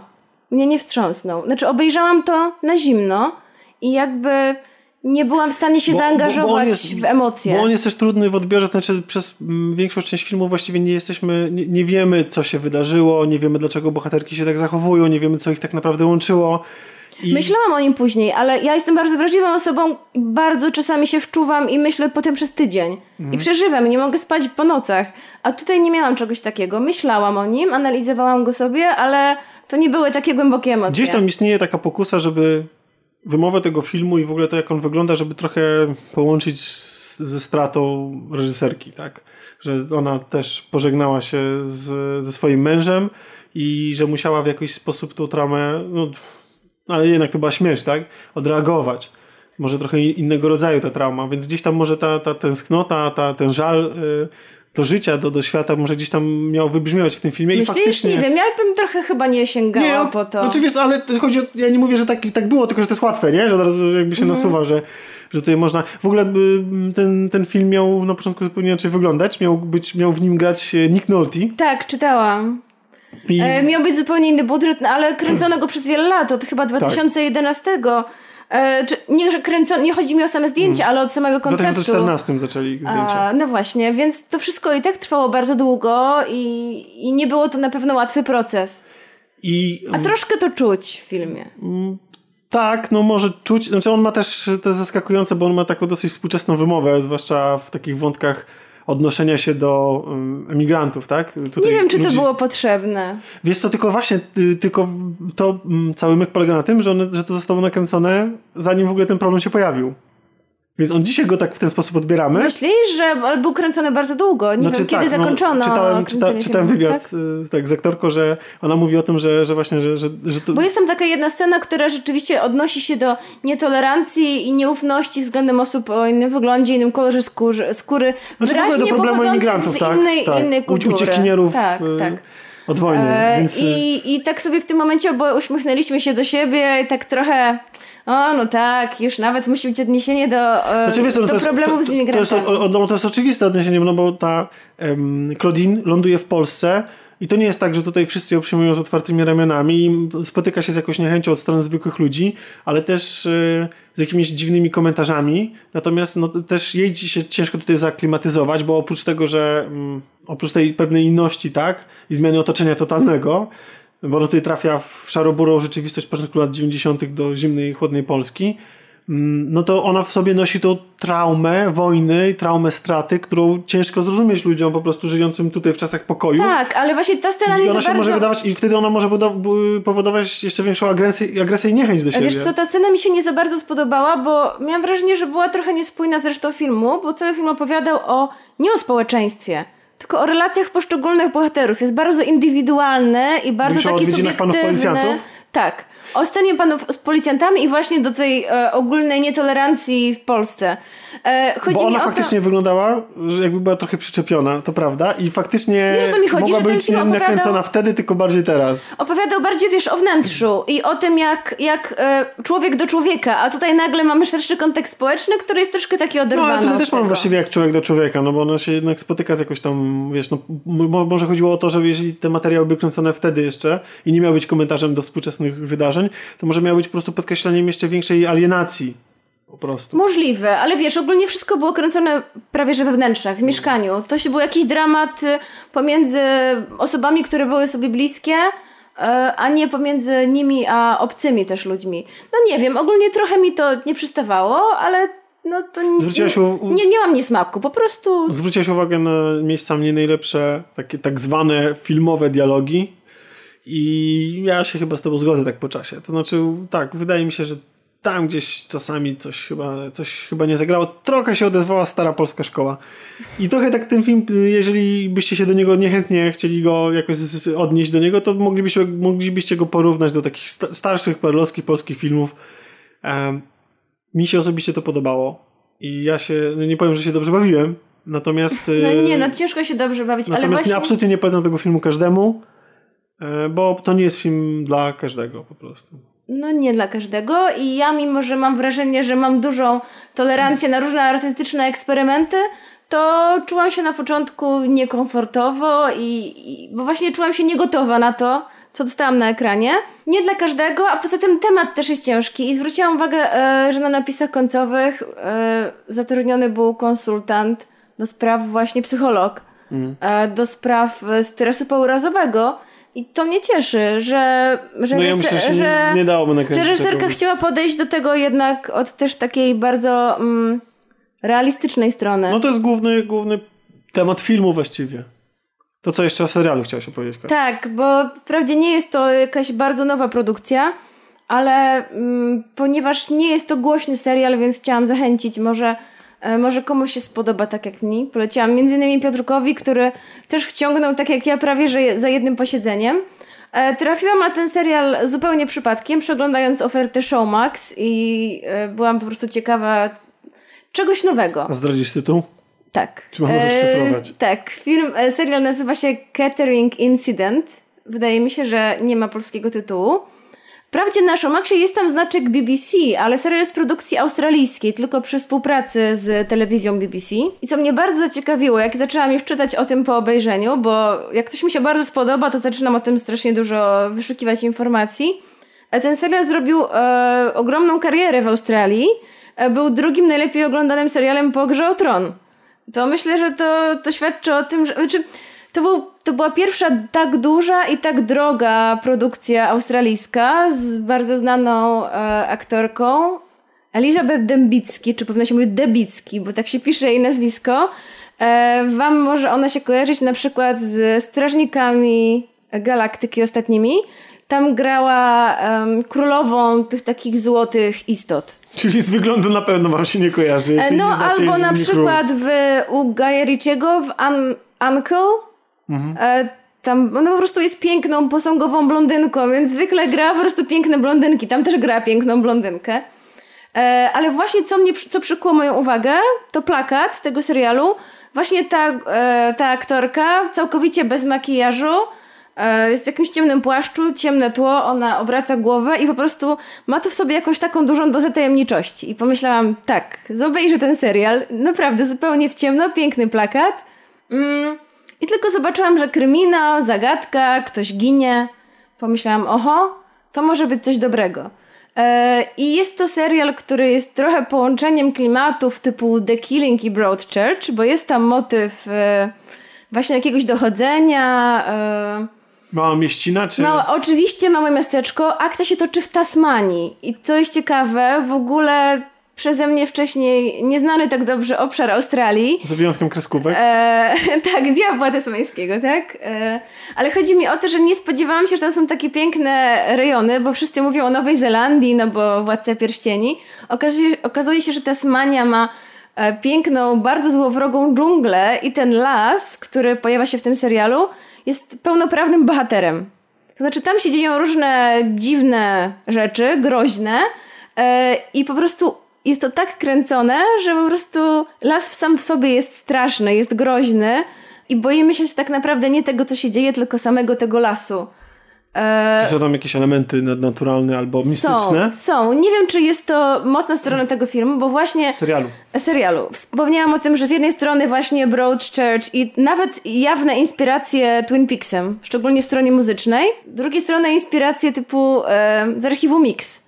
Czyli rzeczywiście jest element nadnaturalny, chociaż nie taki, jak nam się na początku wydaje, bo początek Czy filmu... jest jak Scooby-Doo? E, nie. Bo Czyli tak się okazuje, że ktoś to by ktoś chodzi o, to- chodzi o to, że początek sugeruje, że e, chodzi o kosmitów, ponieważ Wow, e, to wiesz co, ginie- prawdę mówiąc, to powinien zacząć od tego, bo to, to, to dobrze. trochę nie jest The Killing, tylko to jest bardziej No tak, ale nie, no bo ginie, ginie dziewczynka i okazuje się, że zginęła wiele, wiele lat temu i nasza główna bohaterka wyjechała e, na studia medyczne do Wielkiej Brytanii, bo to była jej przyrodnia siostra i ona to strasznie przeżyła, była z nią tam wtedy, ale oczywiście straciła pamięć, nie wie co się wydarzyło. I ludzie od, od tamtego wydarzenia ludzie widują nad lasem jakieś dziwne światła. No więc oczywiście skojarzenie, no pewnie porwali ją kosmici, robili na niej jakieś testy. A jeszcze nasza główna bohaterka ma takie dziwnie, dziwne stany, że raz na jakiś czas mm, ma takie stany jakby lekko padaczkowe, że nie wie co się z nią dzieje, robi wtedy coś, albo właśnie usypia, albo upada, albo robi coś, z czego nie zadaje sobie do końca sprawy. Więc sobie widz myśli, o to pewnie kosmici, wszystko jasne, rozwiązane. No okazuje się, że nie do końca, chociaż jeśli nie lubicie nadnaturalnych wyjaśnień, no to nie oglądajcie tego serialu. To jest właśnie mój taki zarzut, że chcę być troszeczkę też jak Lost, bo w pewnym momencie zaczyna mnożyć e, tajemnice, nie do końca je wyjaśniając, właśnie jak Lost. E, to mi się nie, nie podobało, ale jest tylko 8 odcinków, więc e, bardzo wciąga mm, i myślę, że jeśli spodoba Wam się pierwszy odcinek, to obejrzycie zaraz wszystkie 8, bo to jest tylko 8 godzinnych odcinków. No to jest y, mm, serial, który się kończy na tym sezonie, czy Prawdopodobnie, to znaczy z pierwszy sezon był chyba w 2015 roku Aha. i miał być, ma być, cały czas są plany na, e, na drugi sezon, ale oczywiście w międzyczasie Elizabeth Dębicki się zrobiła bardzo znana w Hollywood, dzięki między innymi Strażnikom Galaktyki i tam e, przeglądałam, że ma bardzo duże plany i dlatego ciężko jest pogodzić to ze Mhm. No ale zdjęciami, właśnie, jak, ale ja, będzie. jak ja patrzę w zestawieniach na Netflixie czy gdzieś i widzę, że serial jest z 2015 roku i widzę, albo nawet z 2016 i widzę, że nie ma żadnego, że to jest jeden sezon tylko, mówię, eee, coś nie tak. Pewnie kiepskie. No, że coś, znaczy, ale nawet, nawet jeśli nie, nie kiepskie, to nie chcę zaczynać historii, którą wiem, że z jakiegoś powodu nie jest kontynuowana. I teraz, y, czy to jest tak, że no gdyby podobno nie... Gdyby, twórcy twierdzą, że będzie. Okej, ale gdyby nie miał powstać dalszy ciąg, to, to jest skończona historia? Jakieś wątki się zamykają, czy... Trochę się, znaczy tak, trochę się zamykają, ale zostawi, zostajemy z wielkim what? Szczerze mówiąc, troszeczkę jednak. e, Okej. Znaczy, o, jest to o tyle fajne, że potem sobie grzebałam w internecie na różnych redditach, y, grzebałam i szukałam wyjaśnień. Każdy ma swoje wyjaśnienie tej historii, e, ale jednak chciałoby się zobaczyć ciąg dalszy i dowiedzieć się, e, jak te wszystkie wątki trochę są rozwiązane, ale jednak jak zostały domknięte. Ale Dlaczego powiedziałam, że jest jak, jak The Kennedy Brochurch? Ponieważ jednak serial nas tak zwodzi i próbuje nas oszukiwać, że jest kryminałem i że my szukamy porywacza szuka, lub mordercy, tak naprawdę nie wiemy do końca kogo. Jest oczywiście ciemno, zimno, mimo że to Australia, wieje wiatr, e, wszyscy są przemarznięci, smutni i to jest jednak taki typu kryminału, więc... Okej. Więc formalnie jest to bardziej kryminał, chociaż z nadnaturalnymi elementami. Bardzo wciągający. Mm, myślę, że jest to coś innego trochę. I warto czasami pogrzebać w takich mniej znanych serialach, bo może trafić właśnie na, na coś takiego. Catering Incident polecam. A, jeszcze co ciekawe, nad lasem Catering podobno naprawdę dzieją się jakieś dziwne rzeczy e, i jakieś widywane są światła i to podobno właśnie zainspirowało twórców do zrobienia tego serialu. Więc można sobie potem przeczytać o różnych teoriach spiskowych, co tam mogło się wydarzyć, czy to kosmici, czy nie kosmici. Czy jakieś inne dziwne To, to mi rzeczy. przypomina serial, o którym Mania opowiadała. Y, AO, Alfa Omega? Y, AO? Y, A, coś tak, ale to, to jakieś spotkało się z jakimś, jakimś kiepskim odbiorem, więc, więc yy, odpuściłam sobie. Ania też nie polecała. okej. A ten serial ma bardzo dobre oceny i myślę, że nie jestem jedyną osobą, która go chwaliła, więc Zapraszamy. Zachęcam i Zachęcamy. zapraszam. Zachęcamy do słuchania również następnych odcinków Kolaudacji Show, naszego podcastu kulturalnego, które wszystkie znajdziecie na stronie wszystkogracz.tv.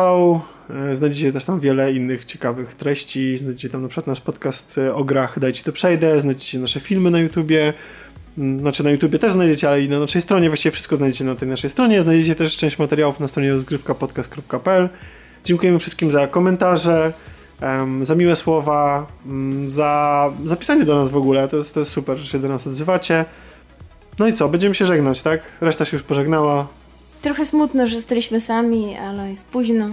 Ja, Tak. ja mieszkam blisko, ale inni daleko, więc Tak, są no tak. wytłumaczeni. I, I tak mieliśmy problem, żeby się zebrać w zeszłym tygodniu. Mam nadzieję, że już od nas Jesteśmy zd- zdrowi. zdrowi. Znaczy ja pamiętam jeszcze słuchać, że jeszcze nie. Także przepraszam za mój głos, tak spóźniono. Dobra, to dzięki raz jeszcze i słyszymy się za tydzień. Pa, pa. Pa!